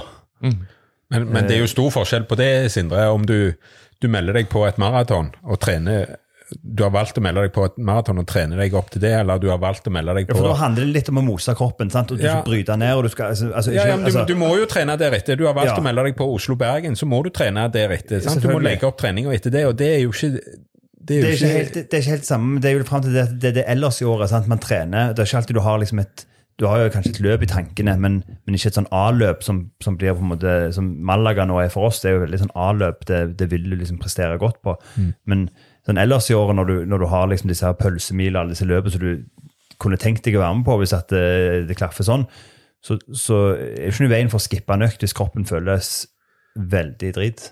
Nei, for det, jeg synes dette, Grunnen til at jeg syns dette er ganske interessant å ta opp, og, og når du pitcher at vi, burde vi ha en episode om, så Sindre, så syns jeg det var helt konge. For at når jeg har begynt opp igjen nå med å trene folk, så er dette en av de viktigste tingene jeg syns å lære de fra starten av. er at hvis du våkner opp en dag og liksom kroppen ikke er der, eller på ettermiddagen du kjenner at liksom formen ikke er der til å ta den økten som står på planen, så er ikke du nødt til å gjøre det.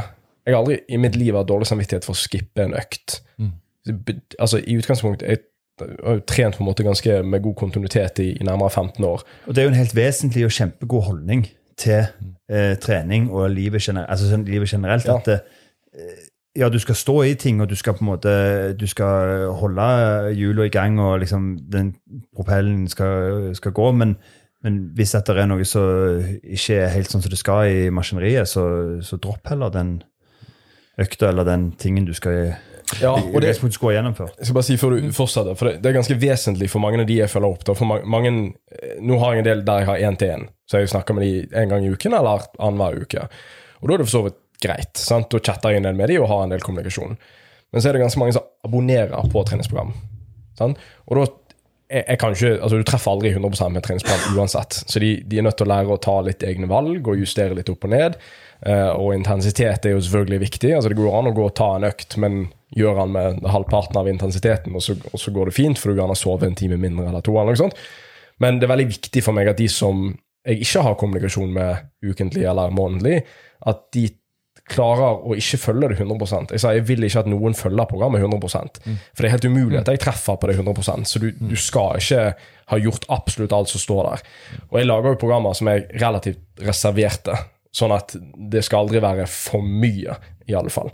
Sant? Eh, da kan det heller være rom for at de legger til litt hvis de føler at dette blir litt for lett, eller Og så er det på en måte en progresjon på programmet uansett, men jeg syns liksom det at hvis, hvis med en gang de begynner å få dårlig samvittighet for at åh, jeg klarer bare ikke trene i dag, og så skal de få dårlig samvittighet for, for seg sjøl for at de ikke klarte det, eller iallfall overfor meg at de ikke har fått logget den økten i appen, liksom. Så det er veldig viktig at det ikke oppstår, for da vet jeg at de kommer til å slutte. Og et treningsprogram fungerer best når noen følger det. Det spiller ingen rolle hvor flink du er til å lage treningsprogrammer. Hvis ikke folk følger dem, så er det et dårlig program. Altså, det ikke, det er ikke, I praksis er det ikke et dårlig program, men hvis folk ikke følger det, så har det jo veldig dårlig effekt på de, da, tydeligvis. Så et program som blir fulgt, er jo mye bedre enn et program som ikke blir fulgt. Men nå må det være reservert, og de må være flinke til å regulere sjøl, og ikke ende opp med for dårlig samvittighet. Sånn som å spise ting som eh, skal være kategorisert som usunt. Det er jo sånn det stopper deg aldri fra å spise det, sant? den dårlige samvittigheten. Men det stopper deg fra å nyte det. Spiser det for det om. Så akkurat dette her med, med samvittighet og, og tvang er jo, føler jeg henger ganske godt sammen òg. Så kan vi jo gå tilbake til Tom Erik, men, men eh, og jeg tenker jo at det, et av de viktigste momentene, eller det, på en måte det som går på tvangsmessig trening, er at hvis du begynner å bryte altså hvis du ødelegger relasjoner, liksom, altså, du er sikkert enig sånn i forhold til at hvis, at du, hvis du har en avtale som altså Hvis kompiser vil ha deg med på noe, og så dropper du den avtalen fordi at du skal ut og skjøy, gå på skøyter, eller stå på rulleski, eller gå på ski, eller jogge, eller sykle, eller liksom altså, Det er jo litt ødeleggende, tenker jeg. Ja, samtidig er det jo Samtidig er det vanskelig å sette noen grenser for, for hva er for mye og hva er for lite. Og, men, men det å bevare en eller annen form for fleksibilitet, da. Jeg har forresten tatt treningsfri i dag, liksom i, i, i, I ånd. i anledning eh, episoden. I. Kjempebra. Ja, Det var òg fordi at jeg har kjempet litt rusk i halsen. Men, men bare for å eksemplifisere, ikke sant? For det, det, det begynner jo litt sånn i går, og så våkner jeg litt opp med det, og så er jeg litt sånn Hm, ja, vi kanskje kan ta ei rolig økt, på en måte. Det pleier jo ikke å bli noe dårligere av det.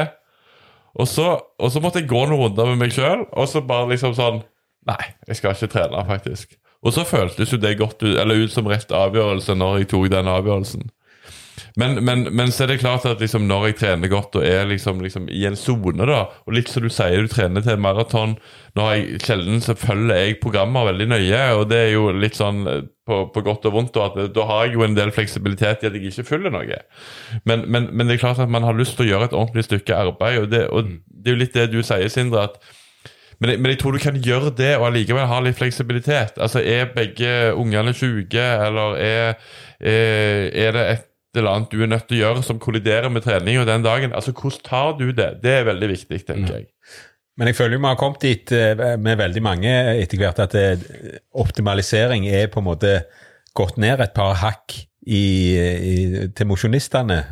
Eh, Du har lyst til å prestere så godt du kan, og da har du lyst til å optimalisere. Sant? Du, har lyst, du har ikke lyst til å kødde det til med å gjøre feil økter de siste tre ukene, eller, eller, eller gjøre noe som er, som er dumt. Sant? Så du har lyst til å, å optimalisere så godt du kan. Og så hvor går grensa da mellom måte det å stå, stå, i, eh, stå i den der treninga fram til det du har lyst til å prestere på, eh, mot at det bikker over, at det blir for mye, liksom. Sant? Du har lyst til, lyst til å prestere så godt du kan, men, men du, du kan Ja. ikke bikke over i Nei, nei, jeg tenker Det handler jo om å lytte til altså, og, og riktig som, som Sindre sier òg, det handler ikke bare om å lytte til kroppen, men det handler jo om å lytte til omgivelsene og ta inn omgivelsene. Sant? Altså, det handler om å se de rundt deg. Altså, hvor, og det, det er jo Men da er vi gjerne litt sånn altså, Hvordan forebygger vi dette? Det kan vi jo spare litt på, kanskje. Ja, ja. Eller, eller Jo, jo, jo. hvis vi skal, skal, ta det nå. Men, men, men eh, Nei, men jeg, men jeg tenker som sagt at det, det, det Altså, vi, vi, er jo ikke, vi er jo ikke toppidrettsutøvere, sant? så vi kan jo ikke, men vi, vi vet jo programmene, vi vet jo hvordan de trener. vi vet jo, sant? Du har lyst til å følge det. Ja, for Du mener at mosjonistene har begynt å optimalisere mer? Altså Ja. Profesjonaliteten, altså Når toppen blir mer profesjonell, så siver det ned òg, på Ja. en måte. ikke Ja. sant? Altså Hvis vi tar Vietnam-økta. Det var ikke så mange som tok den for 20 år siden. på en måte Det er jo sikkert ei økt som kommer fra noen proffer som har gjort i forkant av et maraton, og som drusser, drusser, ned over, på en måte. Og så er du, og så er du en, eh, i beste fall en, eh, en god mosjonist, sant? og så har du et fullt liv med unger og eh, jobb og alt det der som følger med med Du har mer enn nok egentlig med det. Også, Nei, men, men kanskje du bør tenke at du ikke kan optimalisere Ja, på en ja. måte. Altså, ikke- ja, jeg, jeg, jeg sitter jo og tenker litt mens vi snakker. Jeg har ikke et klart svar akkurat på det. Uh...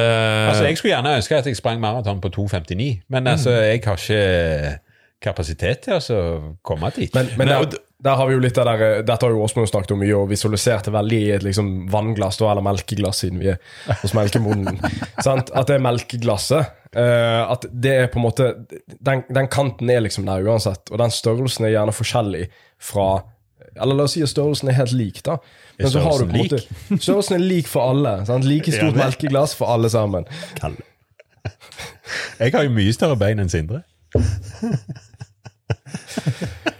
Jeg, er faktisk ganske overrasket over hvor lenge vi klarte å holde en veldig seriøs tone her nå. Så det var godt å få Vi har hatt en lenge lang, litt seriøs seanse. Ja, Så jeg tror folk ble så litt sånn Kalle 69 inn Ja, folk, folk trengte en litt sånn avbrytelse der, men, Ja. men, men, eh, men alle har like stort eh, melkeglass, Ja.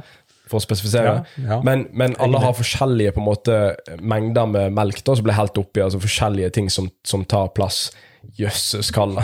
Det her blir, jeg skulle begynt med, med vannglass med en gang. Det, det her blir bare kaos.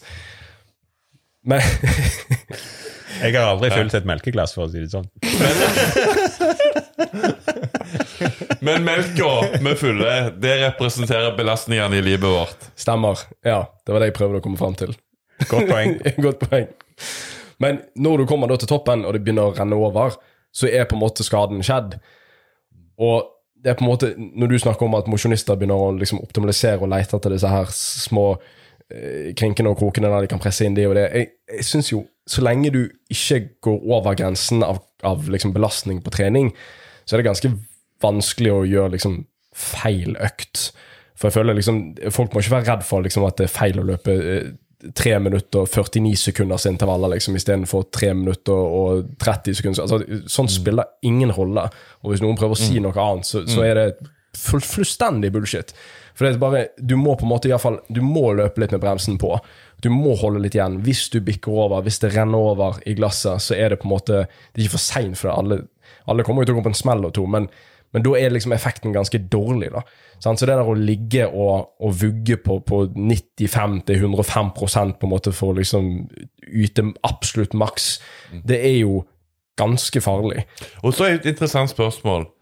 Innenfor de mulighetene, eller altså Du snakker om dette med optimalisering. sant? Eller hvor, hvor fort kunne jeg sprunget på en maraton Det gjør jeg jo ikke så mye nå lenger. Men altså, på, på det jeg holder på med, da, sant um, Altså, det er jo ikke sikkert at det at jeg legger inn de syv øktene som jeg måtte tvinge inn der, så det ble et helsike for å få gjennomført. Mest sannsynlig så tror jeg jo de øktene sånn i forhold til totalprestasjonen min vil ha negativ effekt på, på, på prestasjonen, kanskje. Ikke sant? Ja. For det er òg noe med liksom hvor, hvor Nå har vi jo Og det er jo egentlig Jeg har litt ambivalent, ambivalent forhold til det, men jeg, jeg har jo òg en sånn eh, smartklokke som driver og måler masse ting nå. sant? Og det er, er sikkert du òg Det å tenke jeg kommer jo mye inn fra dine kunder, ser jeg for meg, som òg ser på, på klokkene, og hvordan er body battery, og hvordan er stressnivå. Jeg tror ikke vi skal se for mye på de klokkene, men det er klart at hvis hvis du liksom eh, jobber tolv timer eh, Nei, ti timer til dagen, eller gjerne elleve timer i snitt, for du jobber litt i helga òg, og så har du tre-fire unger, og så skal du trene en 15 timer i tillegg. Altså, kunne gjerne være lurt å se på den klokka én gang, bare se at det stressnivået der det er skyhøyt. på en måte. Litt som å ta en laktatmåling. Jeg tenker laktatmåling, Det beste med laktatmåling er å, å vise folk at de springer for fort. Det handler ikke om at de springer på rett fart. Det er bare, det et for meg er det et instrument for å vise folk at du trener feil. Ja. Men eh, når jeg, når, jeg, når jeg følger folk opp, så har ikke jeg kontroll på mange elementer i livet deres. sant? Jeg har kontroll til, til dels på treningen deres. Jeg jobber ikke med kosthold og sånne ting. Men da vil jeg heller liksom trenings... Hvis de har, hvis de har potensialet for fem økter i uken, så vil jeg helst ha de på tre til maks fire. Jeg vil helst ha de på liksom 60-70-75 av hva de kunne gjort.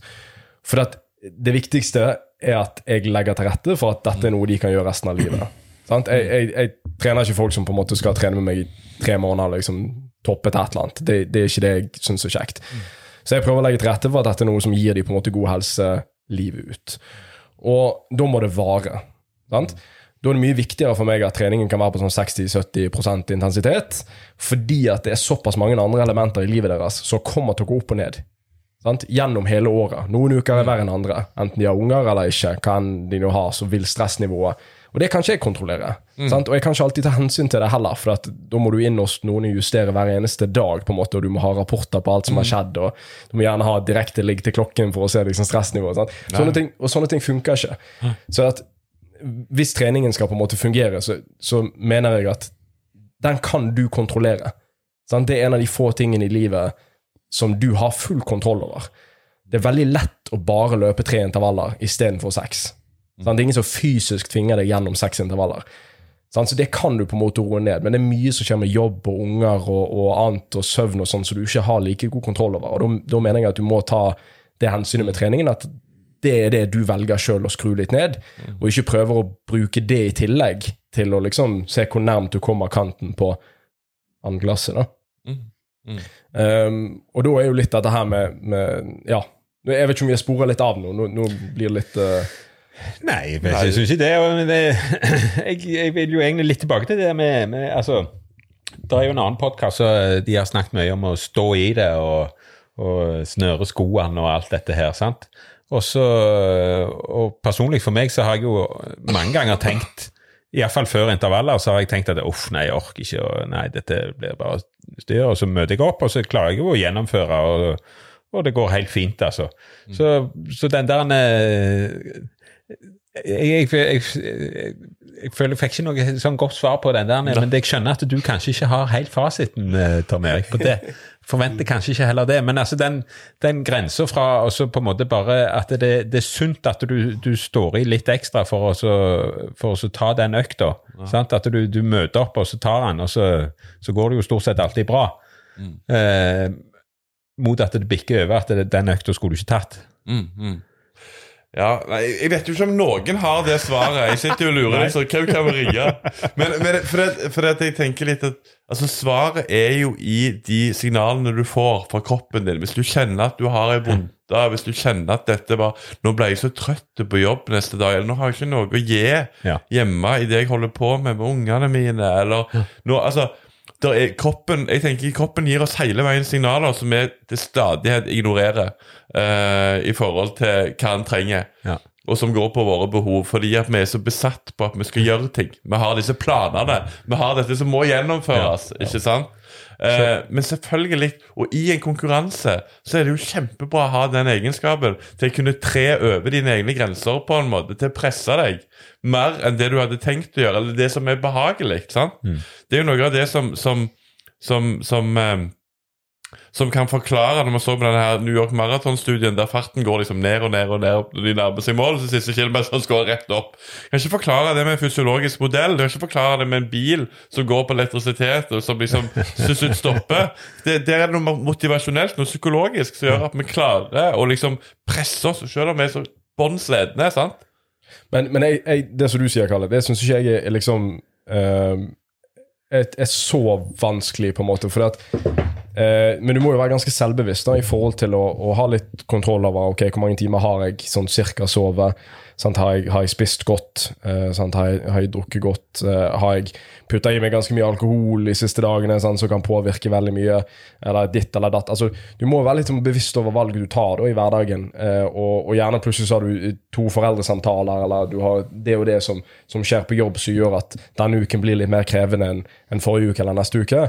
Og så, så, der må du på en måte kunne styre etter de signalene eller de tingene som skjer. Men i forhold til liksom, å ta valget om å bare komme seg på trening og faktisk bare snøre skoene og gå og gjøre det, så er jo vi er jo ganske bedagelig anlagt, alle sammen. Så det valget, spesielt nå når det begynner å bli mørkt ute, det å sitte inne liksom med, med samboeren med teppe over beina og litt gode sokker og en kakao, liksom, det er jo sykt mye kjekkere å ta det valget enn å gå på trening akkurat der og da. Og da, jeg må jo jobbe med, meg sjøl veldig mye for liksom ja, ta rådet til Ulriksen og snurre skoene og faktisk komme med på trening. For, at, for meg så har det alltid vært lettere å, å la være. Ja. Sånn, så det, det, vi snakket om det før podkasten begynte, at det er en liten form for tvang der. Eh, altså Bare tvinge deg for å komme på trening, ja. men, men, hva som skjer etter du har kommet deg på trening, er jo litt Altså, det igjen kan du jo du styre. Du kan jo gå hjem etter ti minutter, sant? men du kan òg se at ok, men det funker faktisk veldig fint. Jeg har grønne lys fra liksom, søvn og mat og sånt. Mm. La oss kjøre på. Mm. Nå, nå, nå satt jeg innbilte meg at jeg hadde svar. jeg vet ikke om jeg har det. Jeg ble litt usikker igjen. Men jeg tenker jo litt til det Sånn Grovt sett, da, hvis du sier at du har to typer folk til oss og alt innimellom. Det er individuelt, ikke sant? Men du har de som på en måte leter etter alle unnskyldninger de kan for å liksom ikke trene eller belaste seg sjøl. Altså, De trenger jo et spark bak ræva for å komme seg ut. Ja. Men så har du de som ikke vet hva de kan gjøre for andre, eller hva de kan gjøre for å prestere på alle områder, som trenger å roes litt ned. Ja. Ikke sant? Så, så, Det er jo egentlig svaret. Det er ikke noe ett svar på det, på en måte. tenker Nei, jeg, jeg. tenkte ikke det var det. Men jeg tenkte jo du skulle si noe lurt. Men nå kom du ganske nærme. Jeg okay, det var ganske det var litt, litt Nei, men jeg jobber jo òg mye med mennesker som, som, som, som jeg tenker har eh, befinner seg i en tilstand som er gjerne litt sånn både i det psykologiske og det fysiske området når det kommer til liksom lidelse eller, eller sykdom, da, som, det, altså, som jeg tror er liksom en voksende voksende folkesykdom på en måte. Og det er jo utmattelse. Mm. Eh, og, og, det er jo derfor vi Altså vi skal prestere på så mange områder, og mange føler også gjerne at de kommer til kort, eller at de ikke er gode nok. Og så skal de liksom Så skal de, skal de være gode der, og skal de være gode der, og så, og så, så glemmer de helt at de har, har, et batteri, på en måte, som kan gå tomt. Og så kommer de inn med et tomt batteri. Og det er klart, jeg tror ikke at de trenger å bli pressa ut på trening seks dager i uka. De trenger å høre at du, det er helt godt nok om du gikk ut og henta aviser i postkassen, da. Men så har jeg jo andre som kommer på kontoret mitt, som trenger å få beskjed at de skal springe syv kilometer. Nå driver ikke jeg og veileder de i forhold til det, men, men, det handler litt om hva Altså um, men det er litt svar på hvor du er. Altså de fleste, altså Man må prøve å finne ut hvem er jeg, på en måte. ikke sant? Har jeg en tendens til å gjøre for mye? Har jeg en tendens til å gå for mye inn i ting? Perfeksjonistisk, f.eks. Nå kommer, kom vi òg inn på Bare si bitte litt om det. Du har jo det som heter tvangsmessig personlighet. Og nå er vi òg inne liksom, i diagnoseland, og vi skal ikke diagnostisere noen. Men det kjennetegnes jo av folk som har veldig sånn rigide oppfatninger av hva som er galt eller rett de, også, de er òg det vi kaller perfeksjonistiske.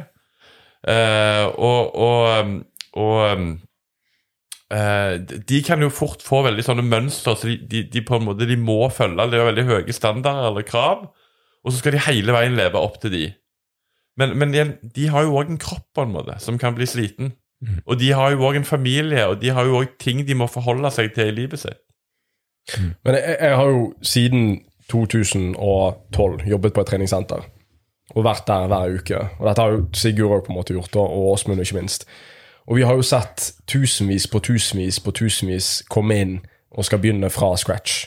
Mange som aldri har trent før, mange som er mange år siden de har trent, og nå skal de gå rett på. Og en overveldende andel av de menneskene tenker at de skal begynne på en veldig høy andel av treningstimer eller treningsdager. Sant? Og ta seg litt vann over hodet. For at vi er jo litt sånn når vi har bestemt oss for å gjøre en sånn endring, så skal vi liksom gå litt all in. Sant? For hvis ikke så Jeg har sagt det før, men jeg, jeg tror folk, når de sier liksom sine om, om, omgangskretser eller familier eller rundt kollegaer at ja, nå skal jeg begynne å trene, liksom. Uh, og hvis de trener én eller to ganger i uken, som er ofte den beste starten for de aller fleste, at noen er, eller mange kanskje er redd for å få den der eh, Skulle ikke du begynne å trene? Nei, altså, er det bare en, gang, en to ganger i uken? Du, du klarer jo mer, type. sant? At det blir litt sånn press fra utsiden òg, på gjerne forventninger fra andre som du prøver å leve opp til. sant? Uh, og det, det har vi jo sett at det er jo en grunn til at det er mye memes der ute om treningssentre som er stappfulle i januar og februar, og så er det ikke det i mars. Sant? For det er veldig mange som har begynt, gått all in, og kjent at dette her var jo helt fullstendig kaos. Og de klarer ikke å gå fra de fire-fem øktene som de prøvde å få til i uken, til å gå ned til én og to økter, som gjerne er mer overkommelig. Og det er jo Jeg tror jo altså En ting er jo på en måte de som løper ekstremt mye, men, men de føler jeg til en viss grad liksom har, kjenner kroppen sin og bedre og har litt, litt bedre kontroll. Men det er jo veldig mange som vi prøver å nå ut til òg, som gjerne er helt nye til løping eller helt nye til, til trening.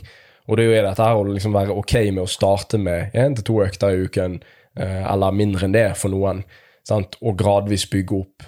Um, alltid det lureste.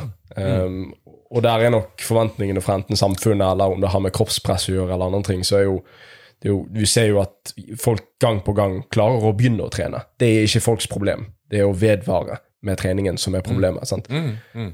Så ja, du må jo gjerne tvinges bitte litt til å begynne å trene, men du må òg prøve å kontrolleres til, til en ganske lav mengde da, for å liksom implementere det i hverdagen. For at totalbelastningen blir plutselig veldig, veldig stor. da.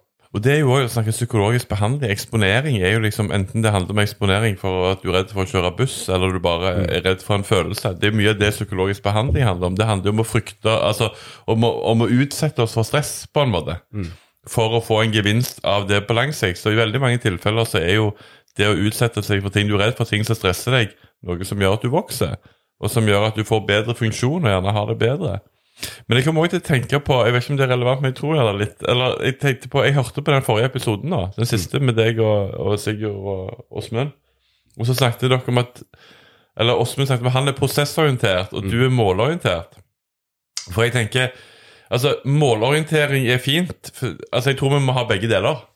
Men, men det er klart at målorientering kan jo òg bli skummelt. Hvis jeg blir veldig sånn fokusert og rigid på at jeg må nå det målet. Eller som du sier, Sindre, jeg har en plan nå fram til maraton. Den må jeg følge til punkt og prikke, for jeg skal ha den tida. Sant? Jeg, jeg ikke så fok altså, Men jeg opplever din, din målorientering er sånn at du, du må ikke holde deg til planen. Og, og, og, og går det ikke helt som du har tenkt, så går det greit. Du har et fleksibelt forhold til målet ditt. ikke Ja, sant? Kan jeg si at jeg, jeg prøver egentlig med, Når jeg holder på sånn, så prøver jeg egentlig å gjøre litt narr av denne her uh, det, altså ikke, ikke det at folk setter høye mål, for jeg føler at folk kunne satt høyere mål, men de må sette høye mål og veldig lave forventninger. Uh, jeg liker å liksom sikte mot stjernen, eller stik, sikte mot månen ende opp uh, blant stjerner, eller pokker nei, det greiene heter. Men, men jeg, jeg visste at jeg ikke kom til å klare under tre timer når jeg sa det offentlig. Og jeg gir blanke faen i om jeg klarer det eller ikke. Altså, det, det, det, gjør, det gjør absolutt null innvirkning på livet mitt. Det er ingen som bryr seg. Det er absolutt ingen som bryr seg om jeg kommer under eller over tre timer. Det påvirker ikke andres liv. Det påvirker ikke mitt liv. Sant? Det er et tall. Det, det er et fint, rundt tall, så det er enkelt å trene mot. på en måte. Men, men jeg, jeg var ganske trygg eller jeg var ganske sikker på at jeg ikke kom til å klare det. Men jeg bare, jeg syns flere kan være litt sånn gjerne tøffere med seg sjøl i forhold til å sette litt sånn til en viss grad urealistiske høye mål. Eh, men de må på en måte sette ned forventningene veldig lavt, og så må ikke de henge noe sånn De må ikke henge liksom livet sitt på å klare det. Og det kanskje modellere litt, det bjude litt på òg. Tørre å si Ja, ja. noe, tørre, sant? Ja, og, så, og, så, og så går det ikke, og så er det greit. Sant? Ikke, ingenting skjer. Ikke, ikke sant? Nei, nei, nei. Ver, verden går videre, ja. Den Ja. stopper ikke opp. Uh, det, Men du, kan vi si to ord om eh, en liten elefant i rommet? Vi snakket så vidt om Strava i starten. ja. Jeg liker jo Strava veldig godt, og jeg har jo kona som får neller av, for hun ser det der oransje lyset på mobilen hele veien. og så og i starten så var, det, så var jeg fokusert på at eh, ja, det måtte passe på at ikke snittfarten ble for lav, for det kom jo opp. Og så, og så var det en periode jeg var veldig opptatt av at eh, ja, jeg må- ta noen lange turer på mandag og tirsdag, for da kom jeg høyt opp på de der listene, og så da flyter du litt på de utover. sant? Og så, og så eh, Listene, jeg, listene i klubber. Du har ikke støtta med det, har du det? jo, for nå trener jeg nesten ikke mandag, sant? så nå er jeg jo bakpå. Jeg er aldri topp Og så er det jo Folk har jo, springer jo så sinnssykt mye, så jeg er jo aldri på topp ti allikevel. Men, eh, men, eh, men sant eh, et, et sånn et verktøy eller uh, hjelpemiddel, eller uh, kall det hva du vil, da, som, som Strava. Det er jo både positivt, men det kan være ganske negativt hvis du allerede er litt utpå den der galeien med at uh, du må du må prestere, du må logge, du må ha Du kan ikke springe senere enn 5.30 i fart hvis du har det, eller eh, hva det måtte være, og antall kilometer og Ja. Ja, jeg tror det har begge effektene. sant? Det er Ja. med å sette vanen. Det er med å få deg i gang med trening, og det, det er et spennende verktøy for å komme i gang og se og loggføre, kommunisere. Samtidig er det jo òg en plass for å vise at du stiller deg jo sjøl laglig til for hogg. Og det er jo som mange sier, det der med, med Strava er jo fint og greit så lenge det går bra. Men så får man den skaden, da, eller så skjedde det, og så gikk de, så gikk de grafene litt ned, da. Ja. Og jeg har jo òg erfaring med det. Altså sånn, jeg var jo, altså, jeg har vært skada eller umotivert, så begynner folk å kommentere hvorfor du ikke trener. Ja. Og så blir det sånn Ja, så må jeg redegjøre for det nå? Ja, ja. Men Det er ikke på Strava du liksom vil gå de, Hvis du har på en måte en skade eller eh, har treningsfri i to-tre dager liksom av et eller annet, så du, du vil helst ikke trykke inn på den appen. det er ikke det mediet du er best på da? Nei, det er da, Er det Snap, da? Eller Insta? ja, da, ja, da, da er det TikTok. Er det TikTok? Det er, det er så ungdommelig. Ja. Nei, hvis, folk, det- hvis, folk, er hvis folk følger, eh, følger lavterskel på Snap, så kan de se på treningsfrie dager for Sindre. Da kommer det ut mye sånne TikToks. Sånn, og publiserer på Snapchat. Men, men, men, men, men det som blir det òg Jeg er jo litt sånn Jeg syns det er festlig og morsomt at folk har runstreaks, f.eks. De har en egen pod. Men, men prinsippet om runstreak er jeg jo litt sånn uenig i, for at det er ikke alltid kroppen din har lyst å springe. Nei, nei. Det, er jo, det er jo selve det jeg liksom vil litt til livs. At jeg skal gjøre noe uansett hvordan jeg føler meg. For det, det er jo så nærme en tvang du kommer i mitt hode. At du må Du skal ha Ja. All respekt til han der uh, Rest in peace Ron Hill som sprang i 52 eller 54 år. En mile eller mer. det? Det er jo, Ja. det er jo noe med det. Ja, ja. Ingen som slår den der. Tuberkulose og alt her sprang ja, det, var noe greier, der. Han ga seg jo ikke før han var langt oppe i 80 år, eller var det Sier du det? Ja, han holdt på lenge her, altså. Ja, men det, det er mye vi kunne snakket om i forhold til med tvangspreget trening, og liksom i forhold til hvordan du legger opp alt, og, eh, og hvordan du blir litt sånn avhengig av, eh, av å følge en, eh, en trend på, på Strava og følge liksom Havne høyt på lister og liksom hele den pakken der. Men jeg tenker jo at det er jo ekstremt viktig å si til folk at det er ikke Altså, de fleste har godt av en rolig dag, og gjerne en helt treningsfri dag, om du trener mye, og eh, eh, også ikke bry seg så vanvittig mye om hva alle andre tenker, da, i forhold til hva man legger ut sjøl. Ja. Eh, så kommer man langt, tror jeg. Jeg hadde en langtur for litt siden, og da snakket vi en time om å, å, å gi, gi faen, altså. Ja. Og ikke bry seg om hva andre mener. Ja, det, det er ekstremt Det- Og så tror jeg ofte at vi tror at altså. en, Det andre mener mer enn det, enn det, Det det det vi tror sjøl Nei, òg. det gjør det jo ikke, vet du. Nei. Men, men- sånn, ja, men òg det sånn at de ikke gir faen.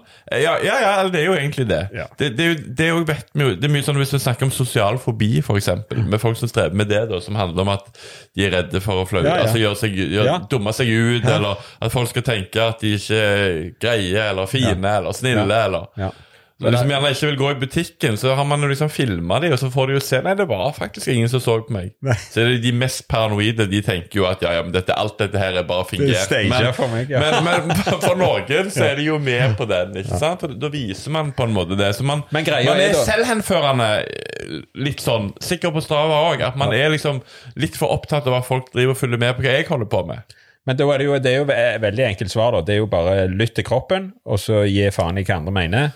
Og så snakk gjerne med en kompis om, eh, Ja. om det, hvis du føler Men, Absolutt. men, eh, men da Ja, for det jeg på jeg, tenker jeg jo litt. Altså, Våg å være litt, eh, litt sånn sårbare der. Si til en kompis at uh, du, nå lurer jeg litt på om jeg skal om jeg skal ta en, eh, ta en pausedag her, og det er litt vanskelig. Hva, hva tenker du? Ja. Altså, Framsnakke litt det, heller enn litt den der kulturen med at fy fader, altså, du klarer mer enn det. Og, snø, altså sånn, Jeg tror Kristian Ulriksen mener det med å stramme skoene i beste mening. og det er jo, sånn, Men, men, men det kan gå fort bli litt den der sjargongen, liksom, at dette er kult. Og det er kult å ta en pausedag, og det er kult å lytte til kroppen. Jeg syns det er kjempekult å lytte til kroppen. Ja, det er jo trening, bryter ned kroppen. Det er det vi holder på med. Bryter ned kroppen hele veien. Så må vi bygge den opp igjen. Men, men jeg, det, jeg vil si det i sted i forhold til det der å sette liksom mål. Jeg, jeg synes jo det er altså Jeg er jo nerder, på en måte, men jeg syns jo det å høre om på en måte Ulriksen sin trening mot 2,20 Han har prøvd i, i flere år, på en måte siden 2017, å, bryte 2,20. Han har 2,21,37 et eller annet sånt på, på, på maraton.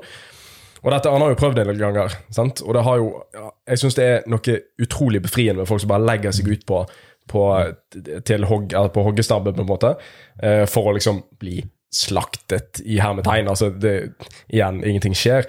Men det er en eller annen sånn eh, fin og deilig sjarm at han bare We go again-type. sant? Vi prøver igjen, vi prøver igjen. Og han viser jo på en måte at det, jeg, tror ikke, jeg tror ikke han føler at dette er noe tungt ansvar han bærer på seg, liksom. Men han, han får jo ganske mye oppmerksomhet og har fått det i en del år rundt dette. Men jeg, jeg syns det hadde vært deilig også med liksom flere oppi, opp, altså i løpekulturen, uansett nivå. Bare legg dere ut der for litt sånn på hoggestaben. For at ingenting skjer, og det er veldig befriende på en måte å hive seg ut der med et mål som gjerne skaper litt oppmerksomhet, eller som folk syns er litt kult at du satser mot. Og så har de på en måte Når du kommer til det, så har de nesten altså, Mange som i det hele tatt har glemt at du hadde det målet, men bare få det ut der, og det er en eller annen sånn befriende, fin følelse, spesielt med trening, av å, å Det er så teit å bruke feile på et mål heller òg, for at det, du jobber jo vanligvis kontinuerlig mot et eller annet, men du opprettholder òg en veldig god helse mens du gjør det, forhåpentligvis. Jeg, jeg vet ikke, bare sånn Det er, noe, det, det er veldig deilig med, med det der å bare hive seg ut der og så bare teste. Du sa jo med trippelen, sant? Du satte noen mål, du skulle fullføre trippelen. Så liksom, ok, hvis, hvis ikke han kommer seg i mål, da, da får han to medaljer istedenfor fire. da. Altså, Jeg fikk fire medaljer. du fikk fire medaljer. Altså. Hvor gale kan det egentlig gå? Sant? Så, Når har du fått fire medaljer på én dag? eh, Aldri, tror jeg. tror jeg aldri. jeg, tror jeg jeg vurderer å melde meg på trippel når vi kaller 15. Så blir det jo noen Da vanker det litt. Da vanker det faktisk. Det var vel en vårcup i 19...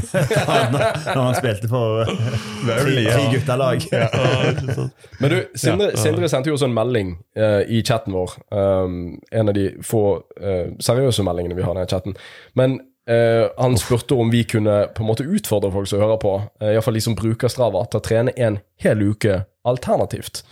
Altså rett og slett ta en uke uh, fri fra løping, på en måte, og gjøre alternative ting.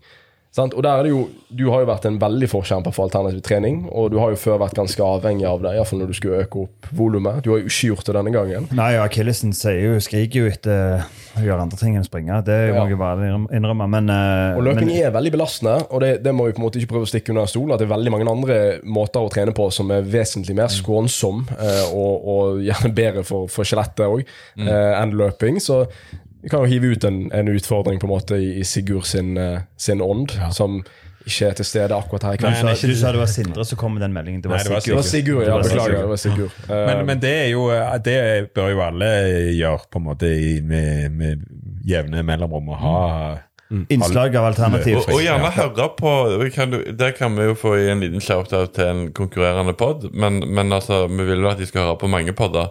Jeg tenker på, på Nei, okay, Breaking nei, Marathon Limits med han Even Vi vil ikke det, egentlig. Vil ikke det? Jo da, vi vil det. Vi vil det. Det var mye bra. Bare litt sånn liten manussjekk her nå. Nei, men han Even Brøndbo Dahl eh, så, altså Nå er vi jo litt sånn tilbake til eliten her, men det er jo et, altså det som er litt interessant, dette her er en som nå Karoline Bjerkli. Grøvdal gjør jo dette òg, som han gjør. Ja, men ikke like ekstremt. Nei, nei, kanskje. nei, nei. Altså Han springer jo sånn fire fem, Målet var å komme opp i 60 km nå. Dette er en som har vunnet nordisk eh, terrengløp. Han har som mål å prøve å kvalifisere seg til OL neste år på 1500 meter og springe seks mil i uka. Han har vært nede i to i perioder òg. Og han gjør vel 1500 meter unna på 3.36,7 3.37 eller noe sånt. Ja. Ja. Eh, så, så, så, så liksom tenk litt på det når du tvinger deg ut på den tomilsturen og egentlig har vondt i foten på en måte. At eh, ja um, Altså, folk må få lov selvfølgelig å drive med det de liker, men det er jo det, og, og, og her snakker vi jo eller Vi snakker til flere. Vi snakker både til de som har litt sånn faktiske problemer med dette, men vi snakker jo òg til de som på en måte Målet er jo å få mest mulig glede ut av det vi holder på med. Og, og ofte når folk har spurt meg hvorfor jeg springer, så prøver jeg liksom å finne ut Så har jeg tenkt litt og dvelt litt på det spørsmålet. Og det er jo ofte, det er jo to ting jeg kommer fram til. Det ene er jo konkurranseaspektet. Sette seg mål. Jeg syns jo det er kjekt å gjøre det bra. Men så er det òg det Altså, heldigvis så har løpinga for meg ikke alltid, men veldig ofte så koser jeg meg med de øktene jeg gjør. Ikke sant? Treninga, prosessen, det å gjøre det. Samme om det løpet ikke blir noe av, så er det kjekt. Og da er det Det handler litt om å bevare den fleksibiliteten. Tenk det selv om du lander på hælen når du springer. Tenk å kunne ha det så kjekt. Ja, det er utrolig. Når du lander så sinnssykt på hælen. som ja. Ja, det syns jeg er fascinerende. Jeg har jo tenkt mye på hvordan dere som lander litt lenger framme har det. Men Nei, men har det Så det fra gruelig. Gruelig gildt? Biomekanisk doping, er det egentlig det? Ja, det der eh, Men jeg, jeg, har jeg mener jo at det, det er en Guds eh, nådegave, det der i terrenget, vet du. For at jeg bruker jo ikke leggene. Nei, det er jo Men- Jeg vet ikke om jeg snakket om det sist, men det er sånn jeg ligger jo liksom Når jeg springer oppover, så Altså, foten min er jo aldri sånn. Er jo, da er det jo til, tilpasser han seg jo. For jeg er jo mobil her. fløyelshud framme på beina. Ser ut som et barn på to år. Det skal vi ta inspisere nøyere nå når vi, når vi runder av etter hvert. Men, men det er jo en kul Tilbake til den som Sigurd dro fram. Da. Det er jo en sinnssykt kul utfordring, og det kan vi jo egentlig gi alle. Bare ta ei uke fra, fra med i dag, altså når denne podkasten kommer ut, til, altså gjennom vintersesongen, eller hva tid som helst. Ta en fullstendig Altså, du springer ikke en meter. Bare gjør svøm, sykle, gå på rulleski, klatre, spille bowling. Altså gjør andre ting, da. Uh, I ei hel uke. Bowling er undervurdert. Veldig undervurdert. Bowling, har, du kjent hvor, har du gåen du blir i underarmen etter, en, eh, etter tre runder med, med bowling? Her, vi, skal, vi skal ta en bowlingdate. Ja, vi må ha en bowlingdate. Ja, Men, det. men, men, men, men det er, ja, det er noen sånne lakmustester. ikke sant? Og Det ene er, som du sier, kan du ta deg en alternativ dag eller ei uke som nå oppfordrer deg? Jeg, jeg, hyller det der initiativet. Jeg vet ikke helt om jeg kommer til, til å gjøre det fra i dag av. altså, men det der med sesongpause òg, men det, det kan jeg sikkert snakke om en annen gang på en annen pod òg. Men det viser jo litt sånn at jeg tror kroppen har godt av den pausen. Men, men sånn som jeg i dag kjenner på det rusket i halsen Det at jeg da tar den fridagen, det tenker jeg sånn Ja, det er litt sunt. Nå er jeg litt fleksibel. Dette er bra. Nå er jeg ja, innafor. Så det er flere sånne ting. Jo Eh, Nikolaisen han predikerer det veldig. predikerte det alltid når jeg sprang i GTI. At det Ta ei uke fri i året. Og han la det ut til sommeren ofte. Ja. Ta en uke helt off. Ja. Altså, Så jeg på ferie. Det så jeg faktisk Det så jeg dønn. Det var ganske Jeg tror jeg telte liksom 12-15 stykker eller noe sånt i sommer som eh, i forskjellige tidspunkter da hadde skrevet liksom at nå er de tilbake igjen etter Nikolaisen sin ukesfri, på en måte. Som Ja, anbefalt ukesfri. Og du trenger jo ikke Du trenger jo ikke ha hverken eh, Du trenger ikke ha en grad eh, for å på en måte liksom Nei, nei, kunne nei, tenke deg at. All forskning hadde da vist at hvis du tok den sesongpausen, så ville du prestere bedre og du ville bli mindre skada. Alle vet jo dette, sant?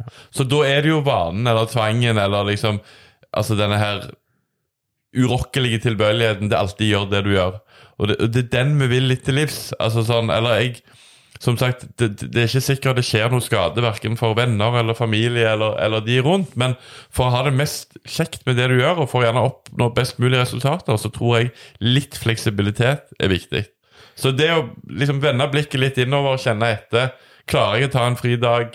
Altså, kan jeg, jeg hensyn til de småvondtene eller småskadene jeg har?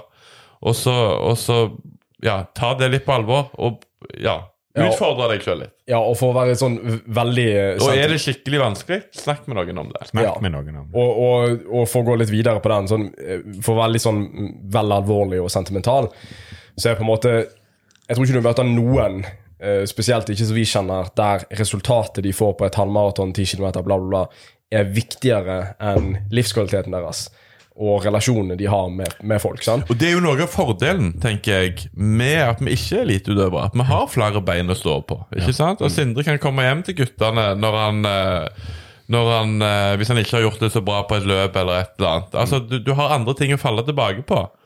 Og Ja. bruk det som en styrke, heller enn at det blir noe negativt, på en måte, fordi at du er så opptatt av akkurat den tingen du holder på med. Ja, men, òg i forhold til liksom valgene du tar med trening, at, at hvis du kontinuerlig liksom kjører deg i veggen eller ligger på en knivsegg, da, så går det, går det mest sannsynlig utover folk rundt deg òg, Ja og hvordan du er med de. Og jeg har fått eh, klar beskjed hjemmefra nå i forhold til liksom vondt i kneet og skal løpe maraton. Kanskje hadde vært lurt å la være. At ok, det er ditt eget jævla valg. Hvis du tar det, jeg skal kjøre en drit av syting og klaging. nei, nei. Sant? Da har du tatt det valget, vel vitende om hva som mest sannsynlig skjer, og så får du deale med det. sant? Men, eh, og da er det mitt ansvar å ikke være en, en på en måte en bitch i etterkant. Og så er det må en ting hva valg du tar, men det er iallfall det starter den refleksjonen rundt det. sant? Ja, og det, jeg, jeg har jo på en måte aldri vært i nærheten av å Ja, og nå, nå, nå driver Kalle liksom Oi, nå må vi kutte her, for nå nå.